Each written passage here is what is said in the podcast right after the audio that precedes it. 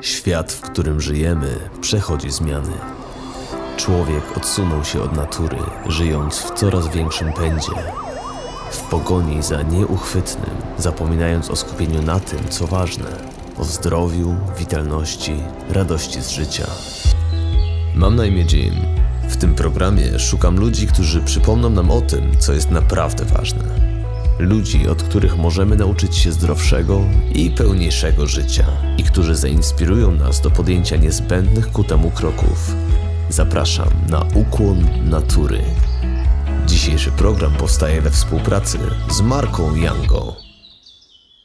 Z tej strony Jim, słuchacze podcastu Ukłon Natury, a w dzisiejszym odcinku moim gościem jest trenerka świadomego i uważnego ruchu, instruktorka choreo i arteterapii, a także ekspertka z branży aromaterapii Magdalena Poborca. Magda promuje ruch intuicyjny, system ćwiczeń Animal Flow, jogę, a także edukuje w zakresie wykorzystania olejków eterycznych dla zdrowia i wewnętrznej równowagi. Magda, witam Cię w Ukłonie Natury. Witam Cię serdecznie i bardzo dziękuję za nasze dzisiejsze spotkanie, za naszą rozmowę, za zaproszenie. Bardzo mi miło. I dla mnie jest to prawdziwa przyjemność gościć Cię w programie. Dziękuję, że przyjęłaś to zaproszenie. Y, przed chwilą wymieniłem kilka obszarów Twojego działania i wiesz co, kiedy przygotowywałem się do tej rozmowy, w oczy rzuciła mi się nazwa Twojego profilu na Instagramie, y, czyli Symfonia Przebudzonych Zmysłów, co właściwie no, rezonuje mi z tym, co robisz. Powiedz mi, co to za symfonia? Symfonia, wiesz co, mm, symfonia przebudzonych zmysłów, czyli po prostu rozbudzam i przebudzam ludzkie zmysły, e, głównie kobiece, jakoś mi tak do tej energii kobiecej bardzo blisko, ale nie zamykam się tylko na kobiety, również e, zapraszam mężczyzn do mojej przestrzeni, do tego, co robię. E, i przebudzam właśnie te zmysły za pomocą różnych narzędzi, za pomocą ruchu, za pomocą właśnie wspomnianej już aromaterapii, która tutaj cudownie wspiera i jest takim holistycznym podejściem do, do naszego życia za pomocą artyterapii, za pomocą choroterapii, czyli tego tańca, tańca takiego swobodnego, tańca intuicyjnego i za pomocą po prostu innych jeszcze narzędzi, czy przyroda, tak, kąpiele leśne, bycie w naturze, to wszystko powoduje, że, że te nasze zmysły są pobudzone, rozbudzone i, i nasze życie jest wtedy zupełnie inne, takie pełniejsze tak bym powiedziała. Mhm. Y, wiesz co, kiedy mówisz o tym pobudzeniu zmysłów, no to od razu przychodzi mi takie pytanie, y, czy w naszym normalnym, codziennym życiu w takim razie nasze zmysły są jakieś, nie wiem, przyćmione, że potrzebują tego pobudzenia? Wiesz co, nie to, że nie są przyćmione, ale my żyjemy dzisiaj tak szybko, jesteśmy przebodźcowani. Niestety tempo życia, to te zmiany, które następują są tak ogromne e, i niestety nie żyjemy w pełni uważnie. E, robimy pewne rzeczy mechanicznie, żyjemy trochę na takim autopilocie i, i zamykamy się, tak? Odcinamy się trochę od tych naszych zmysłów. E, a w momencie, jak włączymy w to uważność, czy to będzie właśnie uważny ruch, czy to będzie jakaś forma medytacji, czy jakakolwiek inna forma uważności, to te zmysły są bardziej rozbudzone. Więcej dostrzegamy, więcej czujemy, więcej słyszymy, więcej widzimy i to życie jest takie właśnie bardziej pełniejsze, takie w pełni doświadczamy, uważam, tego życia. Mhm. To, co właśnie powiedziałaś, to jest dla mnie taka bardzo fajna rama, wiesz co, dla tematów, które dziś poruszymy. E, no i super, że od tego właśnie zaczęliśmy. E, czyli wiesz, to dlaczego nasi słuchacze właściwie mieliby być tym wszystkim zainteresowani? Dlaczego warto skupić się na pobudzeniu własnych zmysłów? Czy to za pomocą aromaterapii, czy też za pomocą pracy z ciałem, w co już za chwilę się zagłębimy. No ale właśnie, powiem Ci, że dość często tu w programie przewija mi się motyw takiego szybkiego życia we współczesnym świecie, y, tego, że no może nawet jesteśmy w całym tym pędzie w pewien sposób odłączeni od y, swoich ciał. Niestety tak. Y, a zmysły jednak są chyba taką bramą umożliwiającą nam powrót do tego swojego ciała, prawda? Dokładnie, tak. Jesteśmy odcięci od naszych ciał, tak jak to powiedziałeś, zgadzam się z tym doskonale. Sama kiedyś też byłam bardzo, bardzo długo odcięta od mojego ciała. Wpłynęło na to, to, czym się zajmowałam wcześniej, ale myślę, że do tego, do mojej historii to jeszcze tutaj wrócimy.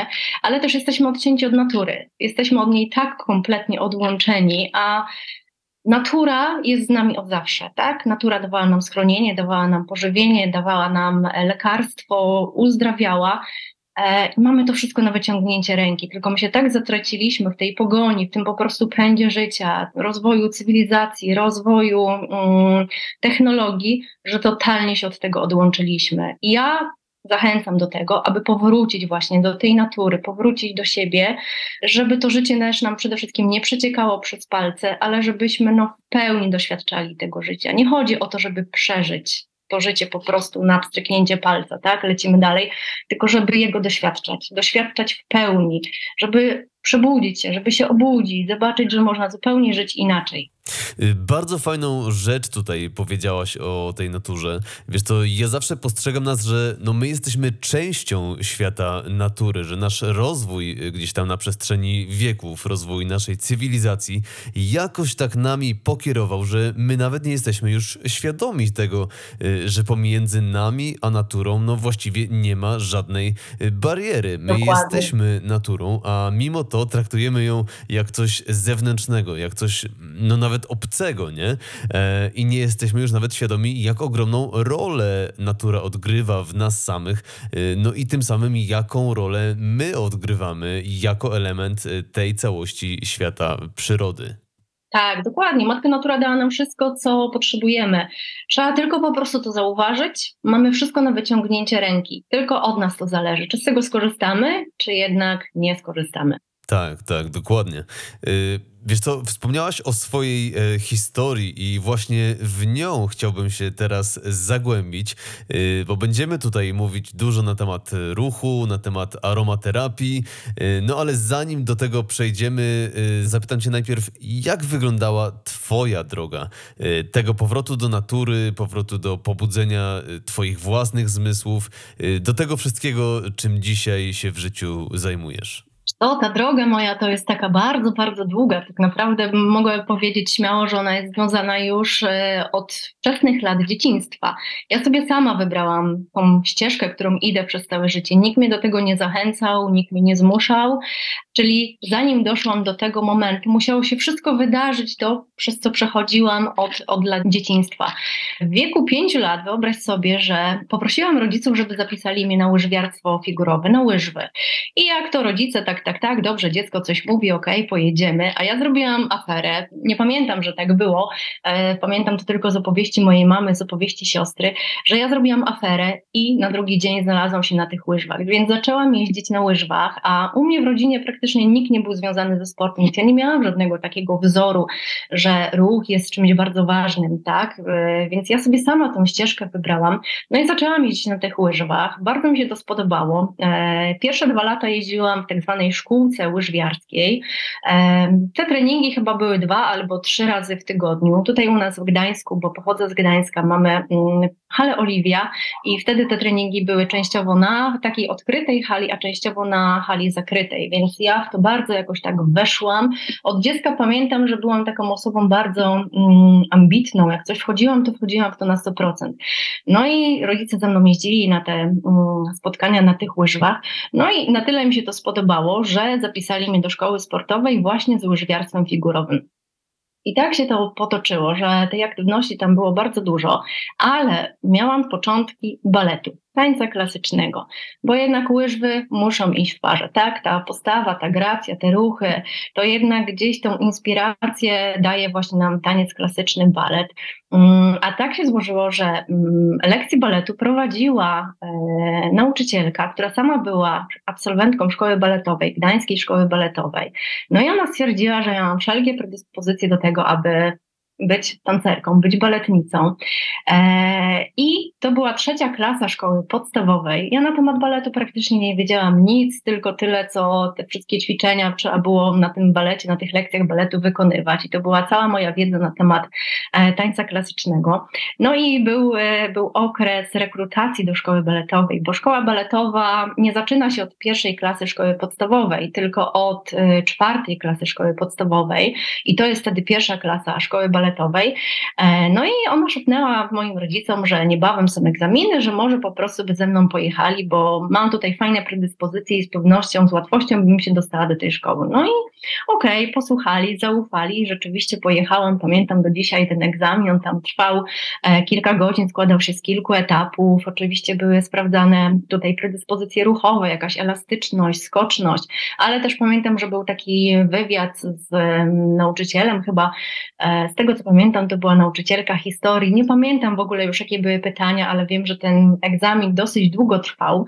No i ja przeszłam przez ten proces rekrutacji bez żadnego problemu bo jednak to e, przygotowanie takie tutaj e, pod kątem ruchu miałam. No i zdałam do tej szkoły baletowej i rozpoczęła się moja przygoda, czyli zakończyłam moją przygodę ze, ze szkołą sportową, tak, i przeszłam do tej szkoły e, baletowej. Ogólnie szkoła baletowa trwa 9 lat, czyli e, kilka, 5 lat klasy takiej e, szkoły tej podstawowej, plus potem klasy licealne.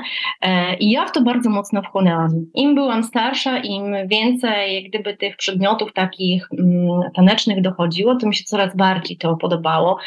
Byłam, tak jak już wcześniej powiedziałam, tą osobą bardzo bardzo ambitną. Jak coś starałam się robić, to chciałam, żeby to było doskonałe, była ta perfekcja. Też nie wiem skąd mi ta perfekcja taka przyszła, no ale gdzieś musiałam po prostu mm, mieć to w sobie i tak starałam się tak do tego życia podchodzić, do tego, co robię. No i byłam wychowana na takiej rosyjskiej szkole baletowej. To były jeszcze wczesne lata 90., e, więc tych pedagogów z Rosji mieliśmy bardzo du dużo i taka szkoła rosyjska polegała na tym, że po prostu no musisz robić, tak? Nie ma, że boli. Ja byłam uczona całe 9 lat, bo tyle trwał mój okres tej nauki w szkole baletowej, że jak boli, to znaczy, że człowiek żyje, e, że sztuka polega na walce z sobą. I ja w takich gdzieś schematach, takich programach po prostu wyrastałam.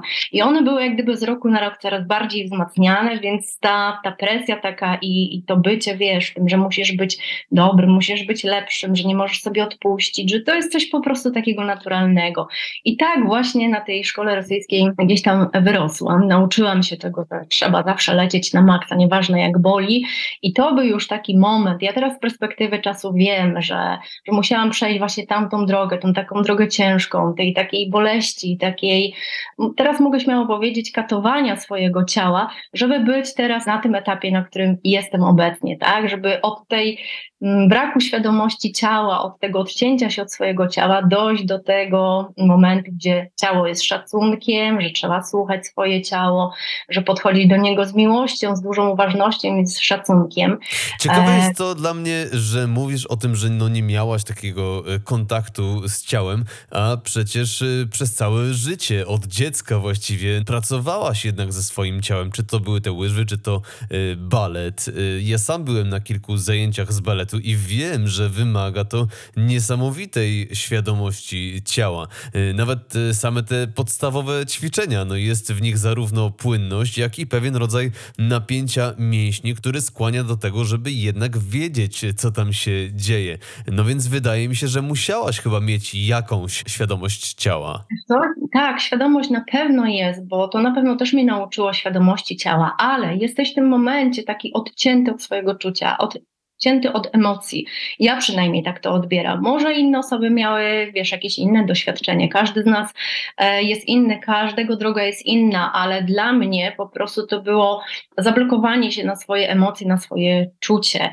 E, to z kolei u mnie doprowadziło mm, do takiego, wiesz, e, stresu fizycznego. Potem konsekwencją tego było zmęczenie materiału, gdzieś już taka mocna eksploatacja ciała, mm, jakieś problemy zdrowotne ale teraz z perspektywy czasu widzę, że, że musiałam przez tam to przejść, tak jak już Tobie powiedziałam e, wcześniej.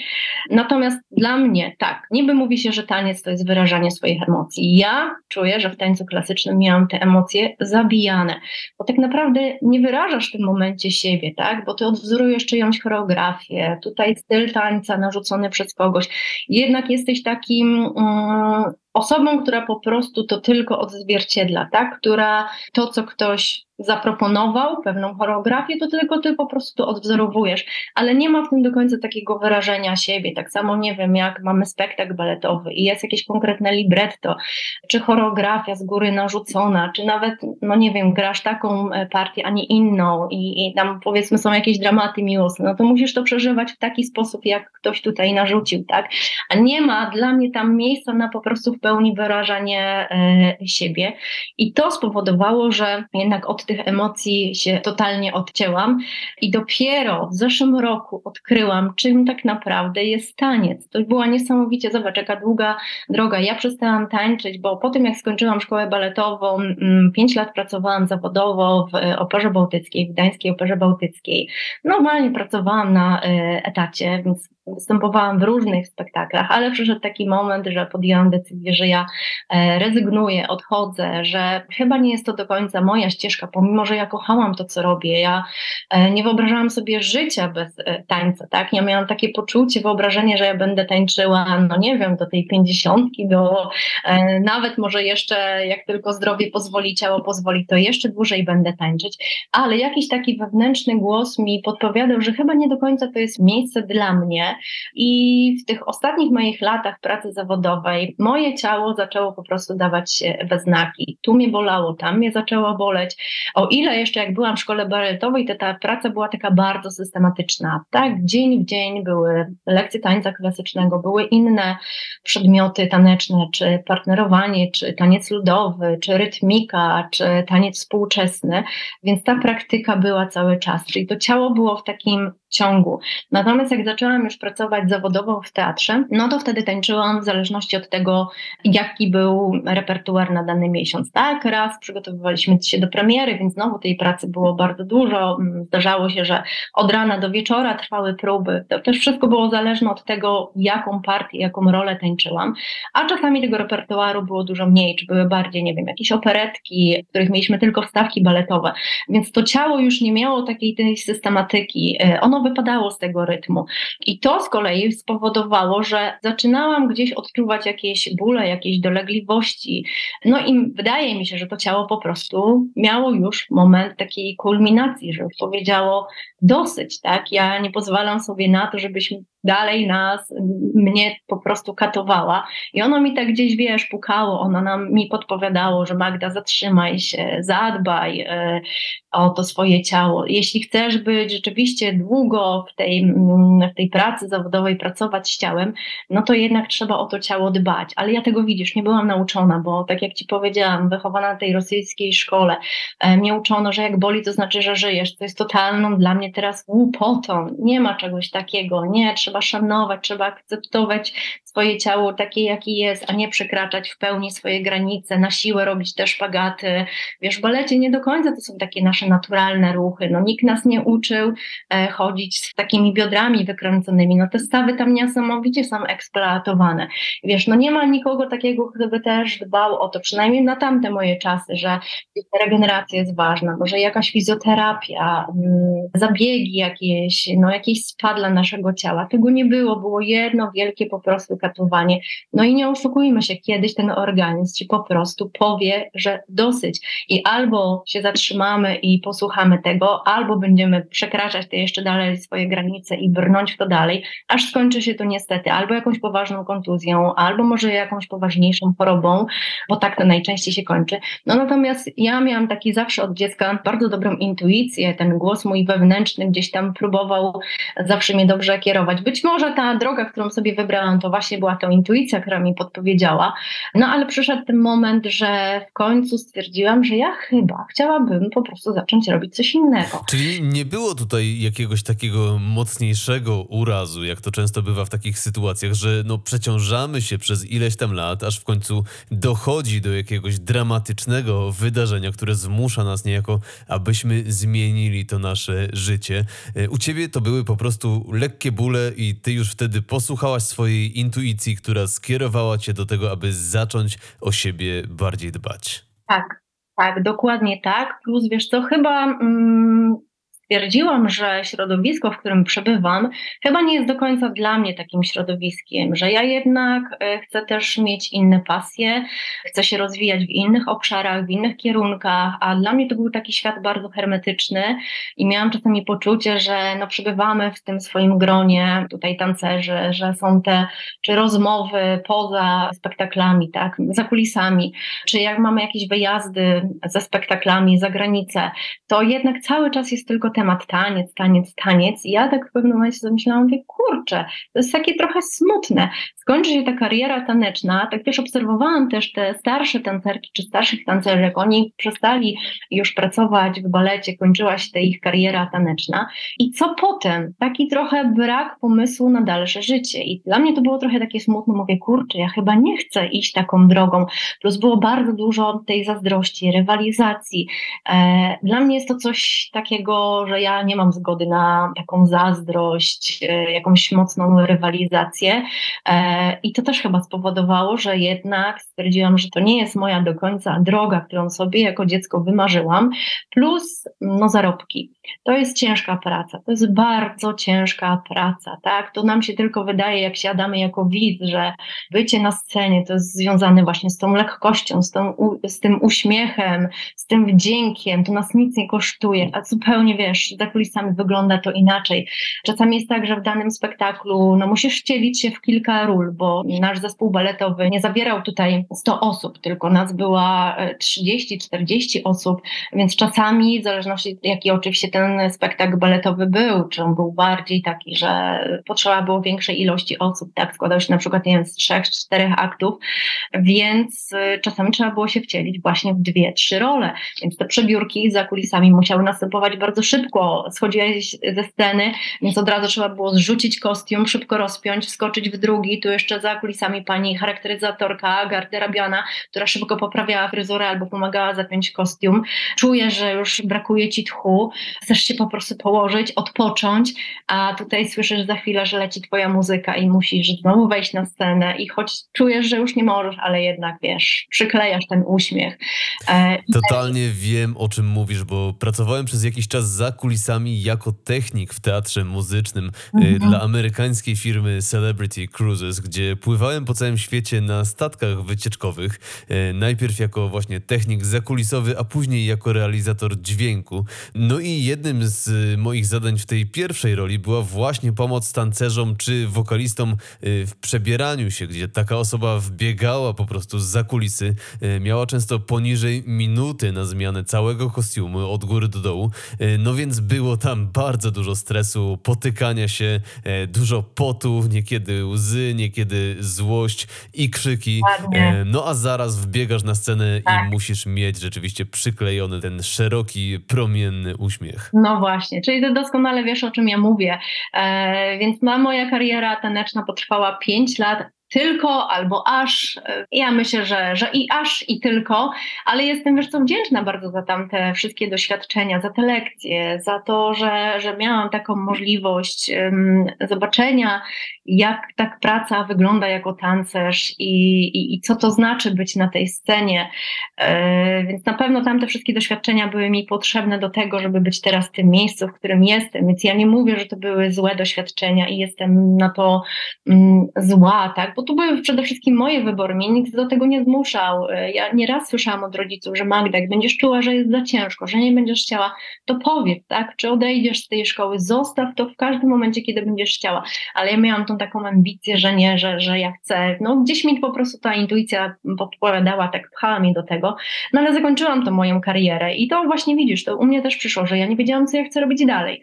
Ja nie miałam jakiegoś pomysłu na, na dalsze swoje życie. W międzyczasie robiłam studia, kompletnie no, w tym momencie też do niczego mi nie były potrzebne, bo wybrałam sobie ekonomię, bo nie wiedziałam, co ja chcę robić. Tak, ja uważam, że w wieku tam dwudziestu paru lat, 19 lat, jak mamy też wybrać sobie studia, to czasami jest ten e, czas taki e, za szybki. Nie zawsze człowiek wie, co on chce robić, tak, w życiu no ale że chciałam mieć jak gdyby to inne zabezpieczenie, taki inny zawód, bo w przypadku jakiejś właśnie kontuzji, to chciałabym mieć tą mm, inną taką możliwość pracy, powiedzmy bardziej taką mm, może stabilną.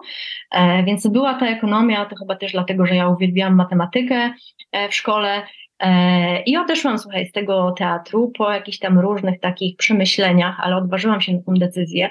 I tak się akurat złożyło, że w jednej z rozmów z moim kuzynem, on pracował wtedy w firmie u producenta drzwi i okien. I tak się akurat złożyło, że jedna z koleżanek, która pracowała tutaj w dziale obsługi klienta na działu Polski, zaszła w ciążę i potrzebowano kogoś na jej miejsce. No i ja tak w sobie mówię, dobra, może to jest znak, że ja powinnam zrobić totalnie coś innego. I zaczęłam moją przygodę z pracą biurową. Na początku było fajnie, bo było to dla mnie coś nowego. Nowi ludzie, nowe środowisko, wiesz, inne jakieś, tutaj za inne rzeczy byłam odpowiedzialna. I na początku mnie to wszystko jakoś fascynowało. I wtedy to był taki moment, że ja nic nie robiłam, totalnie nic nie robiłam z ciałem. Ja miałam taką jeszcze chyba jakąś złość trochę na na ruch. Czułam, że potrzebuję takiej pełnej regeneracji. Być może przyjdzie ten moment, że ja zacznę znowu coś robić ciałem, ale na tamten moment tego nie potrzebowałam. Pół roku było fajne. Po pół roku już czułam, że chyba to nie jest dla mnie, że jednak praca biurowa, siedzenie i tak naprawdę ja wtedy pracowałam po 8, po 10 godzin, plus jeszcze dojazd, bo to było w Bieszkowicach, więc ja jeździłam, dojeżdżałam samochodem, no ale musiałam liczyć godzinę na podróż w jedną stronę, drugą godzinę, e, aby wrócić, więc ja praktycznie siedziałam. Cały dzień siedziałam i to w pewnym momencie znowu było dla mnie takim, dla mojego ciała jakąś abstrakcją. Czyli znowu eksploatowałaś się, tylko tym razem w zupełnie inną stronę. Tak, takie wiesz, skrajności w skrajność. I ja w pewnym momencie czułam, że ja mam chyba nadmiar jakichś takich, wiesz, zgromadzonych tych emocji w sobie, że ja tego znowu gdzieś nie, nie wywalam, nie ma upustu. Zrobiłam się jakaś taka nerwowa mm, i stwierdziłam, że chyba kurczę, to nie jest dla mnie praca siedząca, ja czułam, że wiesz, bardzo lubię taką elastyczność pracy, taką swobodę. Mm, praca w teatrze y, trochę mi to dawała, bo ja nie pracowałam w charakterze 8 godzin, tak? Idę na 8 godzin pracy, tylko na przykład idę na 2 godziny, a potem idę wieczorem na 4 godziny, albo 4 godziny rano, a może wieczorem nie pójdę, bo już e, powiedzmy, nie wiem, nie tańczę tej roli, e, która teraz danym dniu ma próbę, więc być może ten wieczór miałam wolny i znowu była taka duża elastyczność i miałam ten środek dnia zawsze wolny. To poczucie, że ja mogę sobie zrobić to, na co mam ochotę, załatwić to, co potrzebuję załatwić, więc ja miałam taką tą dużą swobodę i tą elastyczność e, czasu i to jest takie moje, tak? Ja dzisiaj wiem, że to jest mój taki styl pracy. Ja tak bardzo lubię działać i to mi ten taniec dawał, a ta praca biurowa mi tego nie dawała. Ja czułam się trochę taka zamknięta w klatce, w jakiejś takiej, wiesz, niewoli, e, na jakiejś uwięzi, że ja muszę wykonywać konkretne zadania, to, to, to co zostanie mi narzucone, ja muszę to zrealizować. Ja się zaczęłam w tym bardzo mocno tak mm, dusić. No i ja przerwałam tą pracę. Ja złożyłam wypowiedzenie, wiedziałam, że ja już nie chcę tak pracować. I słuchaj, znowu bez jakiegoś konkretnego pomysłu na życie, mówię, co dalej? Ale wiedziałam, że gdzieś ta intuicja mnie na pewno dobrze pokieruje i znajdzie się ten właściwy, no właściwa praca, którą e, powinnam albo którą chcę wykonywać. I był taki moment, że potrzebowałam znowu jakiejś przerwy i pojechałam sobie do Włoch. To był moment, kiedy moja mama pracowała we Włoszech. Ja zrobiłam sobie wakacje. Nic nie robiłam. Gdzieś z tyłu głowy miałam, że dobrze, powinnam już zacząć wysyłać jakieś e, CV, pomyśleć o jakiejś pracy, ale nie miałam sobie pomysłu. Przeglądałam te ogłoszenia, tu wysłałam jakieś CV, ale to znowu była, wiesz, praca biurowa. Ja mówię, kurczę, co dalej? No ale z drugiej strony było mi dobrze, miałam jakieś takie zabezpieczenie finansowe. W tej mojej poprzedniej pracy podkładałam sobie trochę pieniędzy, więc mogłam sobie na to pozwolić, żeby chwilę pobyć tam, kosztować włoskiego słońca. I na studiach poznałam um, moją przyjaciółkę, Gosię. I Gosia zaraz po skończeniu studiów zaczęła pracować w banku. Byłyśmy oczywiście cały czas w kontakcie i ona zaczęła chodzić na zajęcia fitness. I tak mi pisze, wiesz Magda, zaczęłam chodzić, fajnie jest, fajne zajęcia, może jak wrócisz, to byśmy sobie razem chodziły. To jednak zawsze jest takie raźniej. Ja bym przed pracą chodziła, e, może czasami po pracy. No ja byłam sobie cały czas taka trochę oporna. Chyba jeszcze miałam taką jakąś złość, taki jakiś nerw był e, we mnie na ten ruch. Ja nawet słuchaj, jak przestałam tańczyć, zakończyłam tą karierę taneczną, to miałam tyle gdzieś, słuchaj, takiej złości, że ja powyrzucałam wszystkie moje kostiumy, kostiumy, baletki, puenty. E, ja nic nie zostawiłam. Ja mówię, ja tego nie chcę, ja do tego nigdy nie wrócę, po prostu pozbywam się tego. No ale Gośka cały czas gdzieś tak napierała, próbowałam jej namówić, e, no mówi chodź, chodź, naprawdę będzie fajnie, tam próbowałam jakieś zdjęcia wysyłać i udało jej się w końcu mnie namówić. Wróciłam z tych Włoch, znowu jeszcze nie wiedziałam, co ja tam chcę dalej robić i pochodziłam już na jakieś rozmowy rekrutacyjne, nic nie czułam, żeby to mogło być e, to, co ja chcę robić.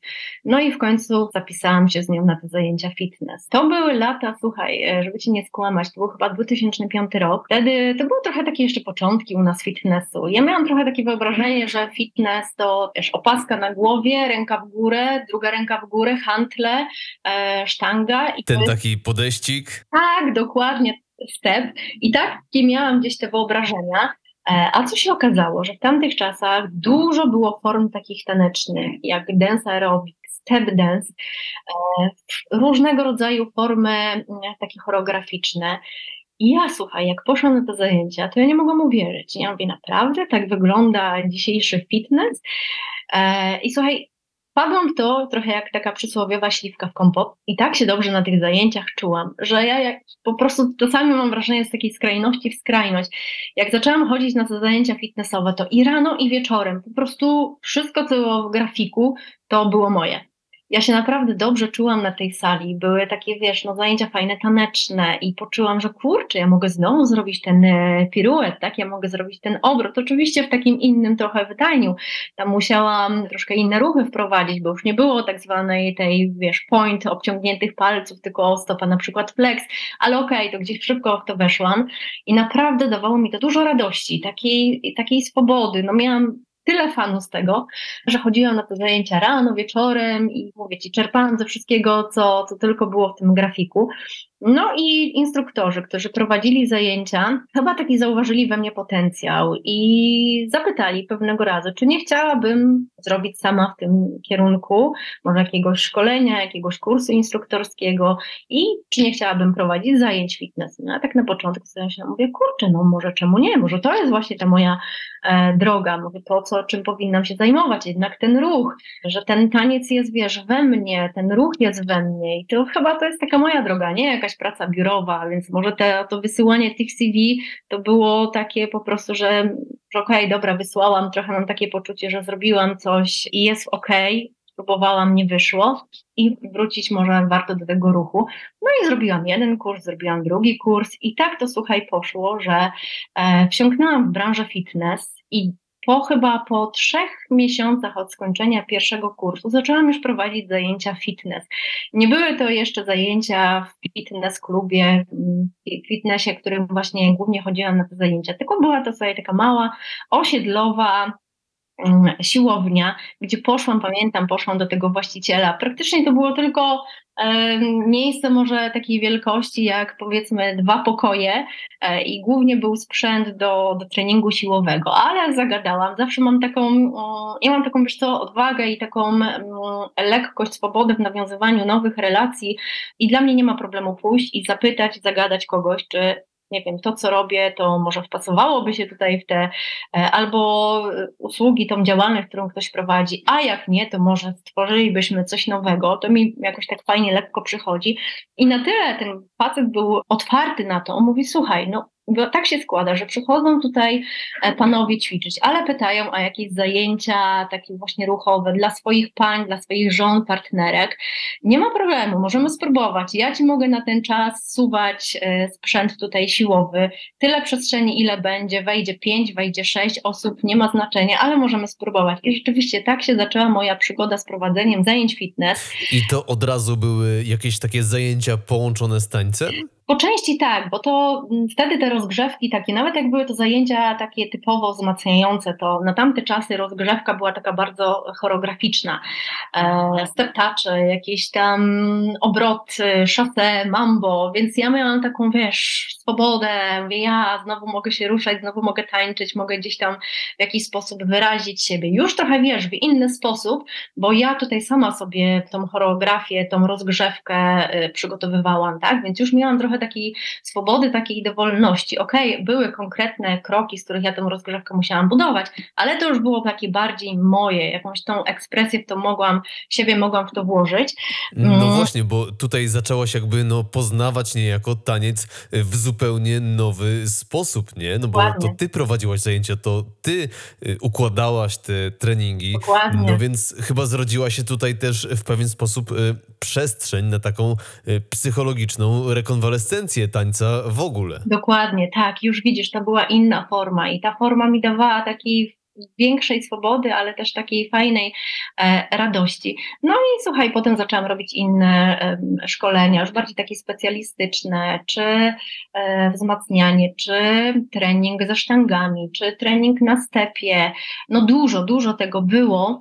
Mm, I ja postawiłam, że tylko na to, tak, że to będzie moja praca. Ja nie szukam jakiejś innej pracy dodatkowej, czyli żeby móc się utrzymać z tego fitnessu, no to ja musiałam pracować codziennie po kilka godzin, ale znowu do czego to doprowadziło? Do zmęczenia materiału, do przetrenowania organizmu, bo nauczona byłam, że jak boli, to znaczy, że człowiek żyje, tak, że nie ma odpuszczania, że ja muszę robić na 100%, ja muszę robić na 200%.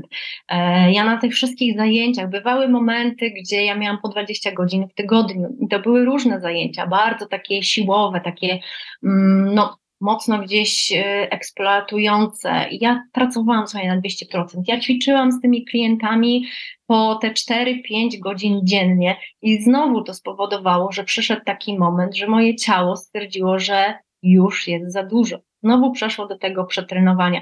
Tak samo od moich podopiecznych, od moich klientek wymagałam wszystkiego na 100, na 200%. Było, dziewczyny, dacie radę, tak? 100 powtórzeń lecimy, 100 przysiadów. Jak boli, to znaczy, że dasz radę. I widzisz, to, co zostało we mnie, czego zostałam nauczona, ja przekładałam to na moich podopiecznych. No to ostra trenerka się pojawiła na tym osiedlu. Tak, dokładnie tak. Potem już zaczęłam współpracę z różnymi fitnessami. Jakoś mi tak w miarę to, to szybko poszło. W tym klubie pracowałam, w innym klubie pracowałam, no w wielu trójmiejskich klubach. Dzisiaj tych klubów już nawet nie ma na naszej trójmiejskiej mapie, bo one czy no niestety musiały ogłosić upadłość, czy po prostu zmienili się właściciele, albo mi już warunki współpracy nie odpowiadały, więc odeszłam, ale w wielu fitnessach prowadziłam. I tak mi się, wiesz, fajnie ta kariera też fitnessowa potoczyła. Tak jak Ci wcześniej powiedziałam, ja byłam osobą taką zawsze ambitną, zresztą myślę, że do tej pory jestem. Jak coś robię, to robię to naprawdę z sercem i mam jakieś takie założenia, że chcę osiągnąć to, chcę osiągnąć tamto. I dużo też w tym fitnessie osiągnęłam, bo i byłam szkoleniowcem, e, współpracowałam z taką międzynarodową szkołą fitness, prowadziłam szkolenia, byłam prezenterem fitness, bo marzyło się się być na scenie. Zobacz, znowu ta scena do mnie wróciła, tak? Miałam tu możliwość prowadzenia na różnych konwencjach fitness, lekcji e, różnego rodzaju, czy to właśnie jakieś, głównie to były takie formy taneczne, bo ja jednak w tym tańcu się, wiesz, gdzieś tam dobrze w tych formach odnajdywałam, e, więc dużo w tym e, fitnessie osiągnęłam. Był też taki moment, że byłam odpowiedzialna w jednym fitness klubie za koordynowanie fitnessem, miałam instruktorów pod sobą, więc to, co sobie poukładałam, gdzieś tam założyłam, to osiągnęłam. I przyszedł ten moment taki znowu mocnego zmęczenia, wypalenia, do takiego stopnia, że ja już kombinowałam, mówię, kurczę, ja chyba dzisiaj nie chcę jechać do pracy. Ja szukałam zastępstwa, bo mi ciało już odmawiało znowu, wiesz, posłuszeństwa. A to jeszcze byłam na tym etapie, że nie umiałam się zatrzymać, nie umiałam sobie odpuścić. E, gdzieś taka presja, że trzeba, wiesz, zarobić. Z kolei teraz wiem, że to wy, wynika z, po prostu z bycia, mm, nie jesteś w energii pieniądza, tak, że gdzieś te wszystkie schematy, programy mamy zakorzenione, jeśli chodzi o ten pieniądz, że, że trzeba po prostu dużo pracować, żeby zarobić, trzeba ciężko pracować i po prostu ja się bałam też odpuścić. Ja nie chciałam wziąć zastępstwa. Trochę może to też mnie nauczyło, wiesz co, praca w teatrze, że jak na chwilę pójdziesz na jakieś zwolnienie, czy wyskoczysz z danej roli, to jak wrócisz, być może już na tą rolę nie wrócisz. I jest dużo do stracenia. Dużo do stracenia, tak. I ja tutaj znowu to wszystko przenosiłam. No i tak, jakby przyszedł znowu, wiesz, ten moment wypalenia. Mówię, kurczę, co dalej? No, co ja mam robić?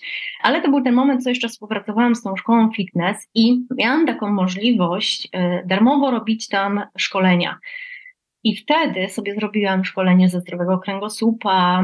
Stretching już prowadziłam, bo stretching po tej szkole baletowej to było dla mnie, wiesz, coś takiego bardzo naturalnego. Bardzo to lubiłam, to rozciąganie. No i też zrobiłam, słuchaj, kurs instruktora jogi. Właśnie zdrowy kręgosłup na tamten moment to były te takie formy, gdzie, gdzie, gdzie dominowały. I ja się bardzo cieszę, że ja wtedy poszłam w te formy, bo one mi dały tą możliwość takiego trochę, wiesz, zwolnienia, bycia znowu jak gdyby w tej branży fitness, ale przemienienia sobie tej dużej ilości form wzmacniających właśnie bardziej w te formy prozdrowotne, tak? Zdrowy kręgosłup, stretching. E, ja wtedy sobie tak mm, zrozumiałam też, że może kurczę, może warto pójść treningi personalne. To nie będzie taka eksploatacja ciała, e, ale jednak będę pracowała z klientem. Ja od zawsze lubiłam pracować z klientem, bo uwielbiam drugiego człowieka. Dla mnie drugi człowiek jest taką inspiracją e, i uważam, że możemy nawzajem sobie, wiesz, dużo dawać.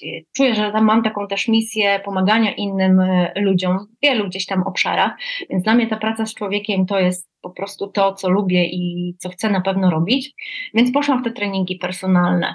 Ale trochę powiem Ci, że tak był taki moment, że mówię, kurczę, no z jednej strony osiągnęłam w tym fitnessie wszystko, czy aby ja na pewno chcę w tym dalej być? I widzisz, tu się pojawiła też jeszcze taka jedna rzecz, na którą w dniu dzisiejszym nie mam też zgody, bo uważam, że jesteśmy na tyle wartościowi, że jeśli robimy coś e, zawodowo, jesteśmy w danej dziedzinie, w danej branży specjalistą, to jednak my możemy sobie sami tą cenę wyznaczyć. A pracując u kogoś, niestety ktoś dyktuje warunki tobie, tak? I ja już nie do końca mam tą zgodę, że ja mam pracować za tyle albo tyle i nic poza tym.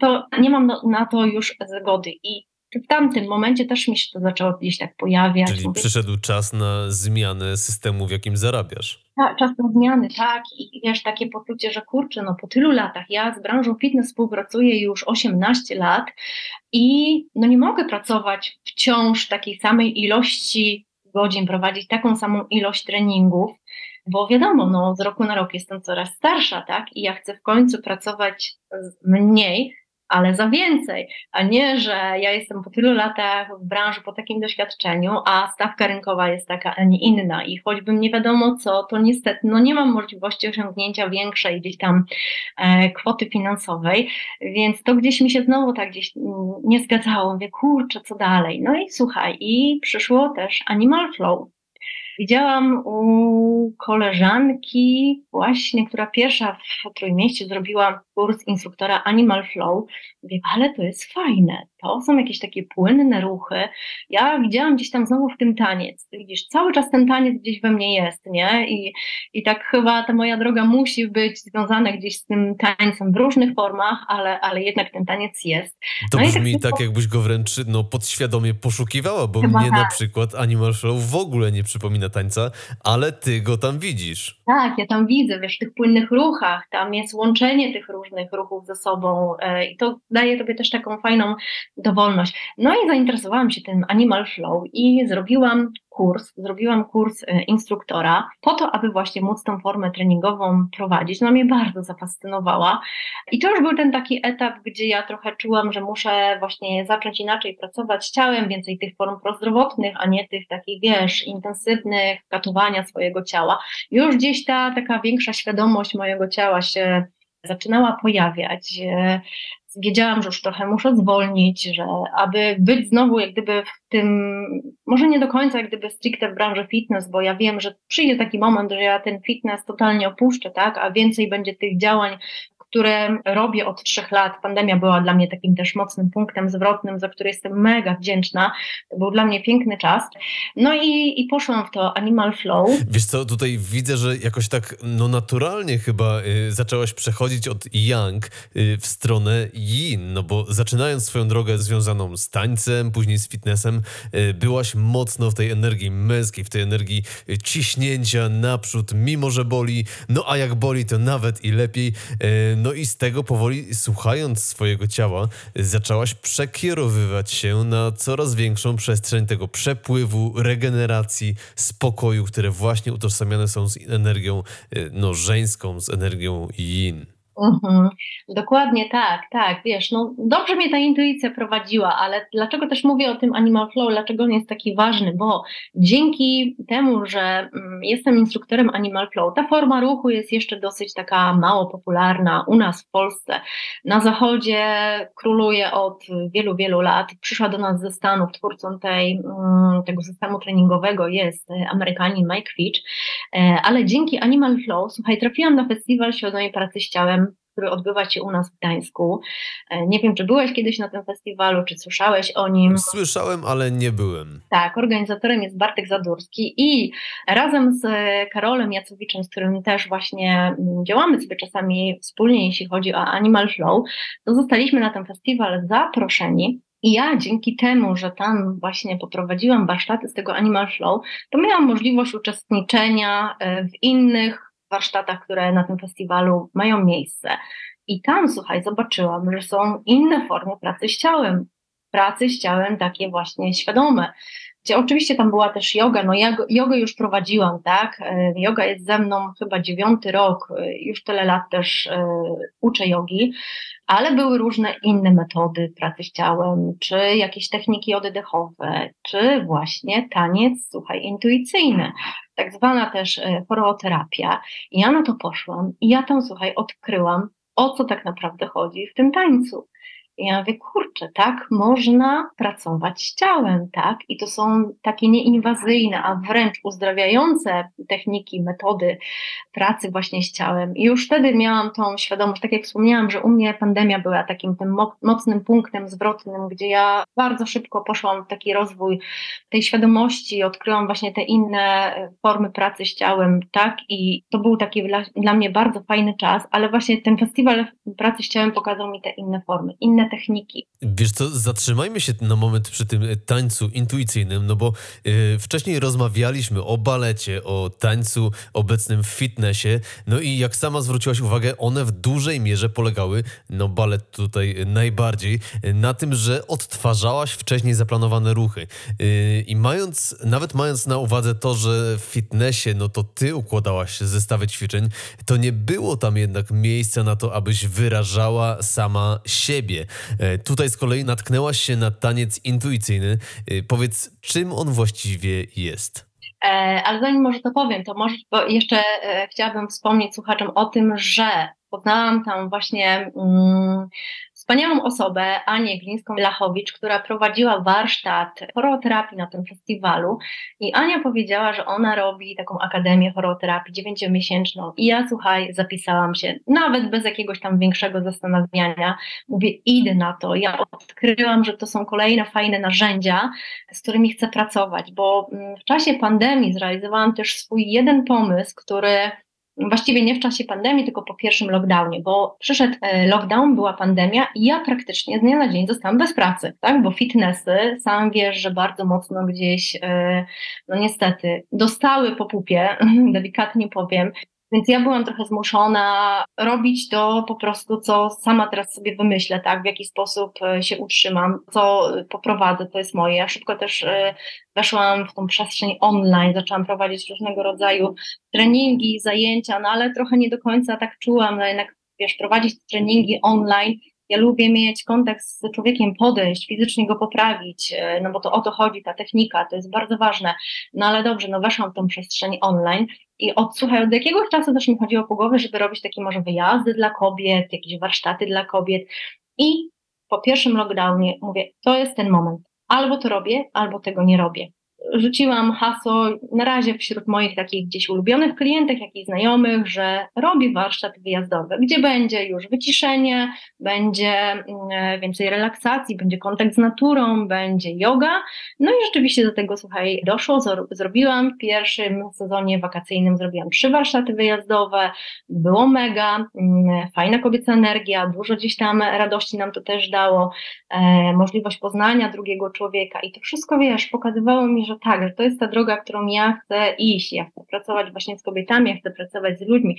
Więc wybranie się na tą dziewięciomiesięczną Akademię Choroterapii, poszłam tam trochę po takie narzędzia, tak, które mi pozwolą jak gdyby poszerzać te moje działania, te moje warsztaty, ale z drugiej strony y, wszystko przerabialiśmy tam na sobie. Czyli ja miałam po części taką dla siebie najpierw autoterapię, która była dla mnie piękna, była bardzo taka uwalniająca, bardzo mnie rozwijająca, dużo gdzieś przyszło takiej kreacji, jeszcze większego rozbudowania, rozbudzenia tej mojej intuicji, więc to mi się tak fajnie wszystko, wiesz, poukładało, wszystko zadziewało się w tym momencie właściwym i dochodziły mi takie kolejne puzelki do, tej, do tego, co ja teraz właśnie robię. E, no i poszłam na, ten, na tą choroterapię i tam było dużo tańca, tam było tyle pięknego tańca, mm, i ja, słuchaj, tak naprawdę dopiero po tym dziewiątym miesiącu, tej już jak kończyliśmy tą holoterapię, ja poczułam, czym tak naprawdę jest taniec. O co w tym wszystkim chodzi? Że to jest takie pełni wyrażenie siebie, że ten taniec to, oczywiście on, no, no, można tańczyć według jakichś zasad, według choreografii, tak, to też jest taniec, ale ten właśnie taniec swobodny, ten taniec intuicyjny, on wypływa z nas, tak, to jest taka terapia wielowymiarowa, dzięki której po prostu ruszasz się tak jak czujesz, musisz podążać za po prostu swoim ciałem, za swoim organizmem, tu nie idzie ruch z głowy, ruch z umysłu, tylko po prostu idzie ruch z naszego serca i to jest taki uwalniające, Dzięki temu masz możliwość właśnie uwolnienia swoich emocji, wejścia bardziej siebie. To jest też taka fajna medytacja sama ze sobą, taka medytacja w ruchu. E, odkrywasz to swoje ciało, masz jeszcze większą świadomość tego swojego ciała. Tam nie ma właśnie żadnych konkretnych zasad, nie ma tej choreografii, tylko po prostu jest ten ruch, który wypływa z nas. I to jest ten taniec. I ja w ostatnim momencie, pamiętam to dnia dzisiejszego, mieliśmy takie cudowne zadanie, już takie kończące tą naszą choreoterapię, tą Akademię Dziewięciomiesięczną, co prawda mieliśmy jak gdyby tańcem, ruchem zinterpretować wiersz. I to było, to było coś niesamowitego. Ja wtedy poczułam, że ja w pełni wyraziłam siebie. Ja zatańczyłam tak, jak chciałam. Po tylu latach. Po tylu latach też mojej zakończenia mojej tej kariery tanecznej, ja w 2004 roku przestałam tańczyć zawodowo, więc zobacz ile minęło czasu i ja dopiero w zeszłym roku zatańczyłam tak, jak w pełni chciałam nikt mi nie narzucał, że mam zatańczyć tak, czy nawet dobrać muzykę taką. Ja sobie sama wszystko wybrałam. I to było sobie takie piękne, takie uwalniające. E, aż jak o tym mówię, to mam do dzisiaj takie fajne ciarki na ciele, mm, ale właśnie tym jest taniec intuicyjny, tak? Bez jakichś konkretnych zasad, e, tylko po prostu idziesz za swoim organizmem, za tym, co ci podpowiada ruch taki, jaki podpowiada ci twoje ciało. Wow, wiesz co, no niesamowite jest to, że przez całą opowiadaną przez ciebie historię przewija się taniec, przewija się to, ile wysiłku w niego wkładałaś i jak powoli powoli odkrywałaś y, jego kolejne odsłony, kolejne aspekty. No i dopiero w zeszłym roku odkryłaś, jak mówisz, o co tak naprawdę chodzi w tańcu. Super. Dokładnie, to nie jest forma jakaś wysiłkowa, to jest forma bardzo taka, wiesz, no, no swobodna, tak, pozwalająca też na taką spontaniczność, na radość. I też tego staramy się uczyć kobiety. Wiesz, to bardzo obserwuję, jak jesteśmy poblokowani, jak nie jesteśmy świadomi swojego ciała, jak, e, nie wiem, mamy wpojone, że żeby po prostu tańczyć, no to musisz być mistrzem w tym tańcu, albo no niestety wyjdziesz na parkiet w momencie, jak sięgniesz na przykład po alkohol, tak, jest impreza, chcemy e, sięgnąć po drineczka, żeby nabrać tej odwagi i żeby pójść, tak? To wszystko wynika z blokad, które mamy, z tego, że nie mamy, mm, nie akceptujemy swojego ciała takim, jakie ono jest, tak? Bo to wszystkie, wiesz, przekonania, wszystkie e, schematy, które nam są z dzieciństwa mm, narzucane, nakładane na nas, niestety do tego to powoduje. A każdy z nas potrafi tańczyć, tak samo jak każdy z nas potrafi e, pięknie malować, tylko my musimy to zrozumieć, my musimy to odszukać sobie, my musimy to uwolnić. Taniec taki intuicyjny jest pięknym narzędziem do uwalniania emocji. Wiesz, w naszym ciele zapisują się wszystkie emocje, wszystkie przeżycia, wszystkie doświadczenia, wszystkie traumy e, i jak my niestety nie damy temu upustu, to też to z kolei powoduje w pewnym momencie do jakiejś choroby, do właśnie do jakiegoś załamania, czy nerwowego, czy no jeszcze do innych różnych y, schorzeń. Więc taniec jest takim też pięknym właśnie narzędziem, tym terapeutycznym, które pozwoli nam te emocje po prostu z naszego ciała wyrzucić. Jak czasami mm, ktoś ze mną rozmawia i mówi, że chodzi na terapię, tak, jest to taka terapia, gdzie jest y, tylko terapia po prostu słowna, jest rozmowa, okej, okay, jest to super, tak, jest to też potrzebne, ale my musimy dać upust tym emocjom, które są zapisane w naszym ciele, a tutaj ruch, taki właśnie, taki taniec, taki swobodny, bez oceny. To jest mega też istotne, że jednak w takim tańcu intuicyjnym nikt Ciebie nie ocenia. I ja tego staram się też uczyć właśnie mm, kobiety, które przychodzą do mnie czy na warsztaty, czy jak to są, e, czasami ten, ten ruch też wprowadzam taki wiesz swobodny w inne jakieś działania, które robię, żeby po prostu miały tą świadomość, że tu nie chodzi o to, że ktoś Cię teraz ma ocenić. Ty bądź sobą e, poruszaj się tak, jak czujesz, tak? Nie wiem, dzisiaj czujesz się, jesteś bardziej smutna, no to niech ten ruch będzie taki, który będzie wyrażał ten smutek. Pozwól sobie na to, pobądź w tym smutku, pobądź w tej emocji, nie? A nie po prostu nie odcinaj się od tego. Mhm. Wiesz, to co powiedziałaś wcześniej, że nawet w sytuacjach stworzonych do zabawy, no wiele osób nawet nie wchodzi na parkiet, nie? Bo myśli o sobie, ja nie umiem tańczyć. Yy, oceniamy tutaj siebie, mamy to chyba, nie wiem, jakoś wpojone w kulturze, gdzie współczesna kultura popularna pokazuje tych wszystkich wspaniałych tancerzy, którzy ćwiczą y, całe życie właśnie, żeby występować z tańcem, no a my się do nich porównujemy. Yy, a też w tej naszej kulturze polskiej no nie ma właściwie przestrzeni na to, aby taniec pojawiał się y, w naszej codzienności. A jedyny punkt odniesienia, jaki mamy wobec tańca, no to ten z kultury popularnej, z telewizji, z teatru, mm, y, z baletu, tak i tak dalej. Y, no i właśnie, bardzo wówczas łatwo o taką przestrzeń oceny. Wiesz co, ja nie tańczę intuicyjnie, a, a właściwie to no, w ogóle niewiele tańczę. Może ewentualnie na imprezie się pobujam w rytm muzyki, ale niewiele więcej. Natomiast zastanawia mnie, jak wygląda taki proces yy, wchodzenia w taniec intuicyjny i tego rzeczywiście rozluźniania się, czy rozmiękczania do tego, aby pozwolić sobie na pójście za emocjami, yy, czy też za tym, co akurat jest w nas w danym momencie żywe. Tak, wiesz co, no to to wiadomo, że to jest też proces u każdego indywidualny, u każdego ta droga będzie inaczej wyglądała. No na pewno warto po prostu to robić pod y, okiem instruktora, który taki taniec y, intuicyjny prowadzi, y, żeby była podpowiedź, tak. Ja bardzo lubię takie, wiesz, ćwiczenie, które jest bardzo prostym ćwiczeniem. No, no mi się wydaje, że może jest proste, no, dla niektórych wiem, że jest to bardzo takie e, wyzwaniowe.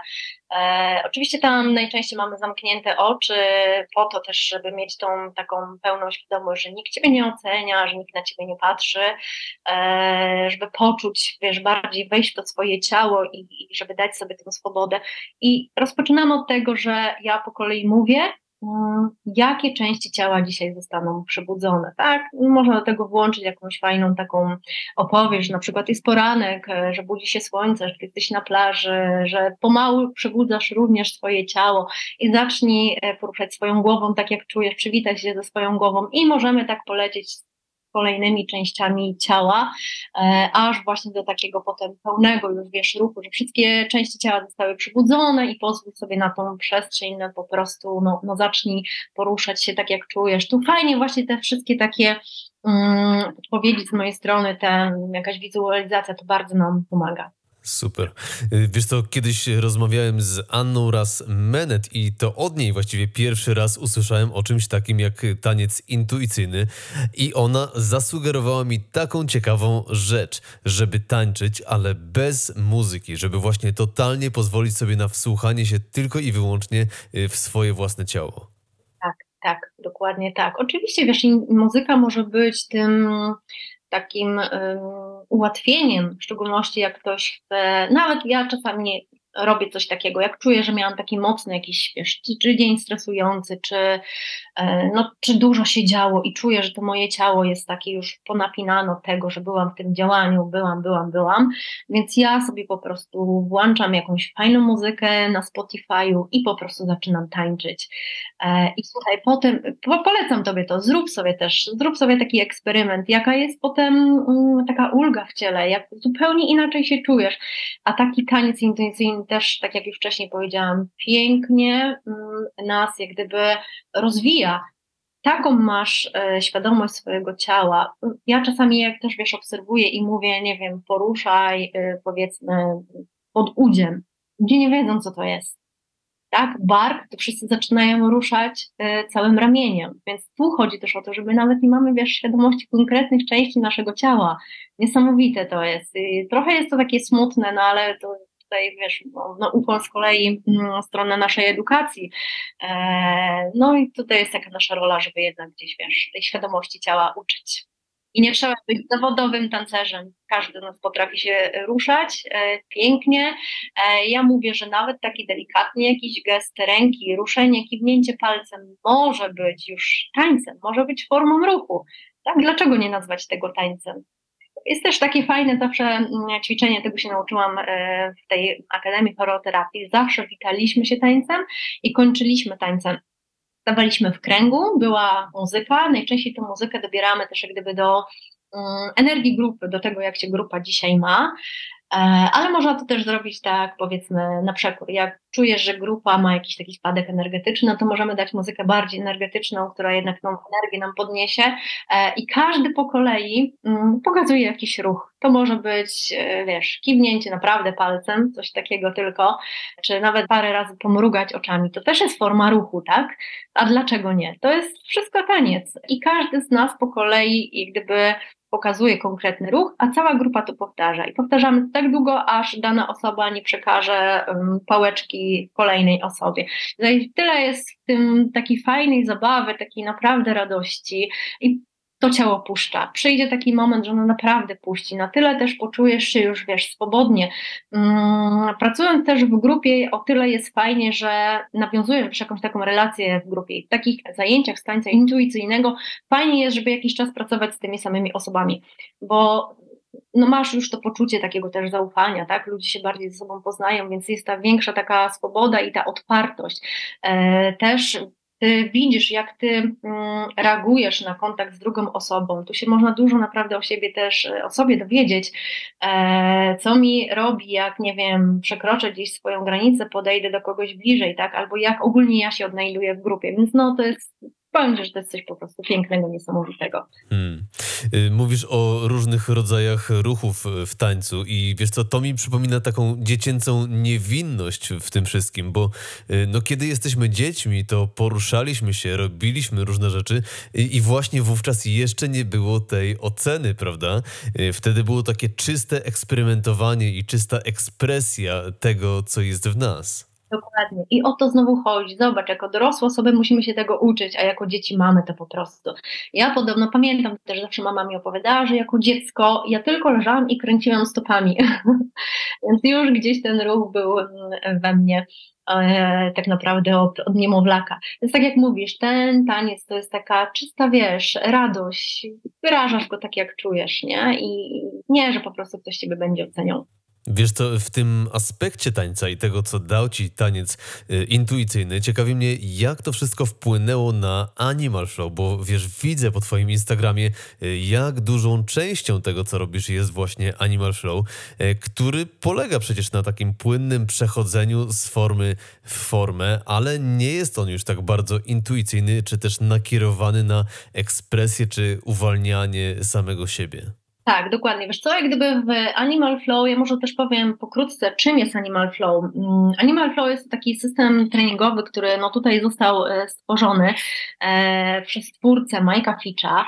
Mm, ale tu z kolei też jest trochę taki powrót do naszych naturalnych, naszych, naszych takich pierwotnych ruchów. Animal Flow to jest połączenie kilku różnych, inspiracja kilkoma różnymi dyscyplinami, czy tutaj są elementy, inspiracja elementami jogi, capoeiry, parkour, breakdance, e, czy też treningu siłowego w połączeniu z ruchami zwierzęcymi, z takimi właśnie formami travelingowymi, formami y, poruszania się zwierząt. I to zostało wszystko wkomponowane w taki właśnie fajny mm, system y, no, treningowy. I z jednej strony tak, my możemy wykonywać, budować to tak zwane flow w połączeniu z tych konkretnych ruchów, które jak gdyby zostały tutaj określone, zostały nazwane w tym systemie treningowym, ale z drugiej strony masz też taką tą drugą mm, stronę tego animal flow, tak zwany free flow, gdzie ty właśnie możesz wplatać swoje ruchy, czy jakiś konkretny styl taneczny, w którym ktoś no po prostu jest tancerzem, tak, konkretnej jakiejś tam dyscypliny tańca, czy jesteś sportowcem, czy nawet jesteś totalnym amatorem, e, ty masz tutaj przestrzeń na wplatanie tego. I to jest też piękne, że jednak z jednej strony jest ten, ten konkretny tak, ruch i budujemy flow, ale masz tą możliwość modyfikacji, wplatania swoich ruchów. Ale też to jest fajne, że no jest tych kilkadziesiąt konkretnych ruchów Animal Flow, z tego budujemy ten e, konkretny jakiś tam flow, takie, takie w zależności, wiesz, na ile też jesteś kreatywny, na ile możesz e, sobie pozwolić na to, żeby gdzieś poeksperymentować z tym ruchem, ale to jest, wiesz co, ten, ten ruch jest bardzo sprytny, bo mm, tworzysz dwa ruchy i się okazuje, że za chwilę z tego wychodzi ci kolejny ruch i kolejny. Tworzysz takie nowe połączenia. E, I to jest też taki fascynujące. Mnie to bardzo zafascynowało, że tu nie ma końca, wiesz, w tym e, systemie treningowym, że jest ta przestrzeń właśnie na wyrażanie siebie, na odkrywanie siebie, ale też na mm, poszukiwanie tej takiej swojej zwierzęcej natury. E, ogólnie ruch Animal Flow to jest trochę taki powrót do tych naszych pierwotnych pierwotnych ruchów że jest tam ruch tak zwany deep ape, taki wiesz, głęboki przysiad, który bez problemu znowu dzieci wykonują. E, czy jest, jesteśmy cały czas e, w podporach, jesteśmy w parterze, więc jest to takie mm, połączenie do, dodatkowo z ziemią. Bym powiedziała, że jest to fajna forma też na uziemianie się, e, w szczególności jak przeniesiemy to na łono natury, bo do Animal Flow nie potrzebujemy jakiejś specjalnej przestrzeni, nie potrzebujemy niczego konkretnego, nie potrzebujemy jakiegoś obciążenia z zewnątrz, potrzebujemy tylko i wyłącznie swoje ciało e, i my możemy to wykonywać w domu, możemy przenieść się na salę fitness, na jakąkolwiek salę, ale równie dobrze możemy wyjść na łono natury i to jest w ogóle wtedy niesamowita magia, bo jesteśmy cały czas w kontakcie z ziemią. Cały praktycznie ruch Animal Flow odbywa się w parterze. Mm, więc masz kontakt y, z ziemią, przemieszczasz się na czterech, na trzech, na dwóch kończynach e, i cały czas jak gdyby nawiązujesz to połączenie właśnie ze swoim ciałem, tak? Poprzez to, poprzez kontakt z podłożem. E, w Animal Flow mm, jest to taki bardzo wielopłaszczyznowy ruch. Pracujemy nad, bym powiedziała wszystkim, bo jest w tym i praca nad elastycznością, praca nad stabilizacją, nad mobilizacją, nad siłą, nad wytrzymałością. Jest to i medytacja, w ruchu i wytwarzają się nowe połączenia neuronowe, bo jest tam dużo takich nowych elementów i bardzo, tak jak już Ci powiedziałam wcześniej, że te ruchy same z siebie wychodzą, czyli wprowadzasz do swojego ciała nowy ruch. To samo jest w tańcu intuicyjnym, że okazuje się, że czasami ruszasz się w zupełnie inny sposób, tak, tak jak Ci organizm prowadzi tak jak ci serce podpowie, żeby wykonać inny ruch, a czasami wręcz jak gdyby zachęcamy do tego, żeby zatańczyć, poruszać się w inny niż dotychczas sposób, bo tu jak wprowadzimy nowy ruch do swojego ciała, to tak naprawdę następuje zmiana zarówno i mm, na poziomie umysłu i na poziomie duszy. Wprowadzenie nowego ruchu pociąga zmianę na innych obszarach. I to samo jest w e, Animal Flow. Y, mówisz o tym, że można łączyć te ruchy na zupełnie nowe sposoby i odkrywać nowe ruchy w swoim ciele, no ale wiem też, że w Animal Flow jest jakaś określona, żeby nie powiedzieć ograniczona ilość ruchów stworzona przez Majka Fitcha, prawda? Tak, jest, jest, natomiast one cały czas, słuchaj, e, ewoluują. Jak ja robiłam, zaczynałam kurs instruktorski. Kurs instruktorski na tamte czasy mm, był podzielony na dwa levele. Level 1 i level 2, gdzie właśnie w level 1 były konkretne ruchy, tak, które pozwalają gdzieś na tą pracę z systemem tym treningowym, powiedzmy od podstaw. Potem był kurs bardziej już rozbudowany, bardziej zaawansowany. E, no i to było na tamte czasy. Ja jestem instruktorem Animal Flow 4-5 mm, lat. Powiem Ci, że ten czas tak szybko leci, że czasami już mi się wszystko praca, e, ale w międzyczasie powstał już level 3, więc cały czas ten ruch też ewoluuje. Czyli cały ten system no, musi być jednak dosyć świeży, co? Wiesz co, w Polsce tak, natomiast na świecie już y, od kilku dobrych, kilkunastu lat wiem, wręcz bym powiedziała, Animal Flow jest. I co jest też jak gdyby fajne. Ale bo... dopiero teraz e, jakby powstał ten trzeci poziom, tak? tak? Czyli tak, trzeci tak, zestaw ruchów. Tak, tak. Oczywiście to są już takie ruchy bardzo zaawansowane, naprawdę już wymagają też takiej mm, no, mocnej jak gdyby też siły, ale dużego takiego balansu. E, w level 2 jest ruch, który nazywa się tak zwany tag balance, czyli żeby to bardziej wytłumaczyć, to powiedzmy stanie na rękach, ale z takimi nogami mm, przy klatce piersiowej, czyli widzisz, to już jest bardzo też wymagające i to niestety nie zawsze możemy też przełożyć na pracę z naszymi podopiecznymi, tak? No bo tutaj yy, wiadomo, że grupy są bardzo różne. Czasami ktoś przychodzi, yy, ktoś jest dłużej ze mną w, w, Animal Flow. Mam no, grupy takie bardzo, wiesz, różne. Oczywiście ja mogę sobie zrobić grupy stricte dla początkujących albo już bardziej takie zaawansowane i z konkretnymi osobami pracować nad konkretnymi yy, tutaj rzeczami, ale to, co mnie też bardzo cieszy, że jak mam taki, wiesz, pozytywny feedback, jak ktoś zaczynał tą przygodę z Animal Flow, to powiedzmy, nie wiem, czy miał duże problemy z, z takim brakiem, wiesz, tej siły takiej wewnętrznej, e, ten kor, te mięśnie głębokie, mięśnie środka nie były takie mocne, czy były duże problemy z nadgarstkami, no bo jednak jesteśmy cały czas w parterze, yy, opieramy się na tych czterech kończynach. Yy, co prawda cała rozgrzewka polega na tym, żeby jednak dobrze rozgrzać nadgarstki, żeby je uelastycznić, żeby tam wzrosło i ciśnienie krwi, żeby one się dobrze odżywiły.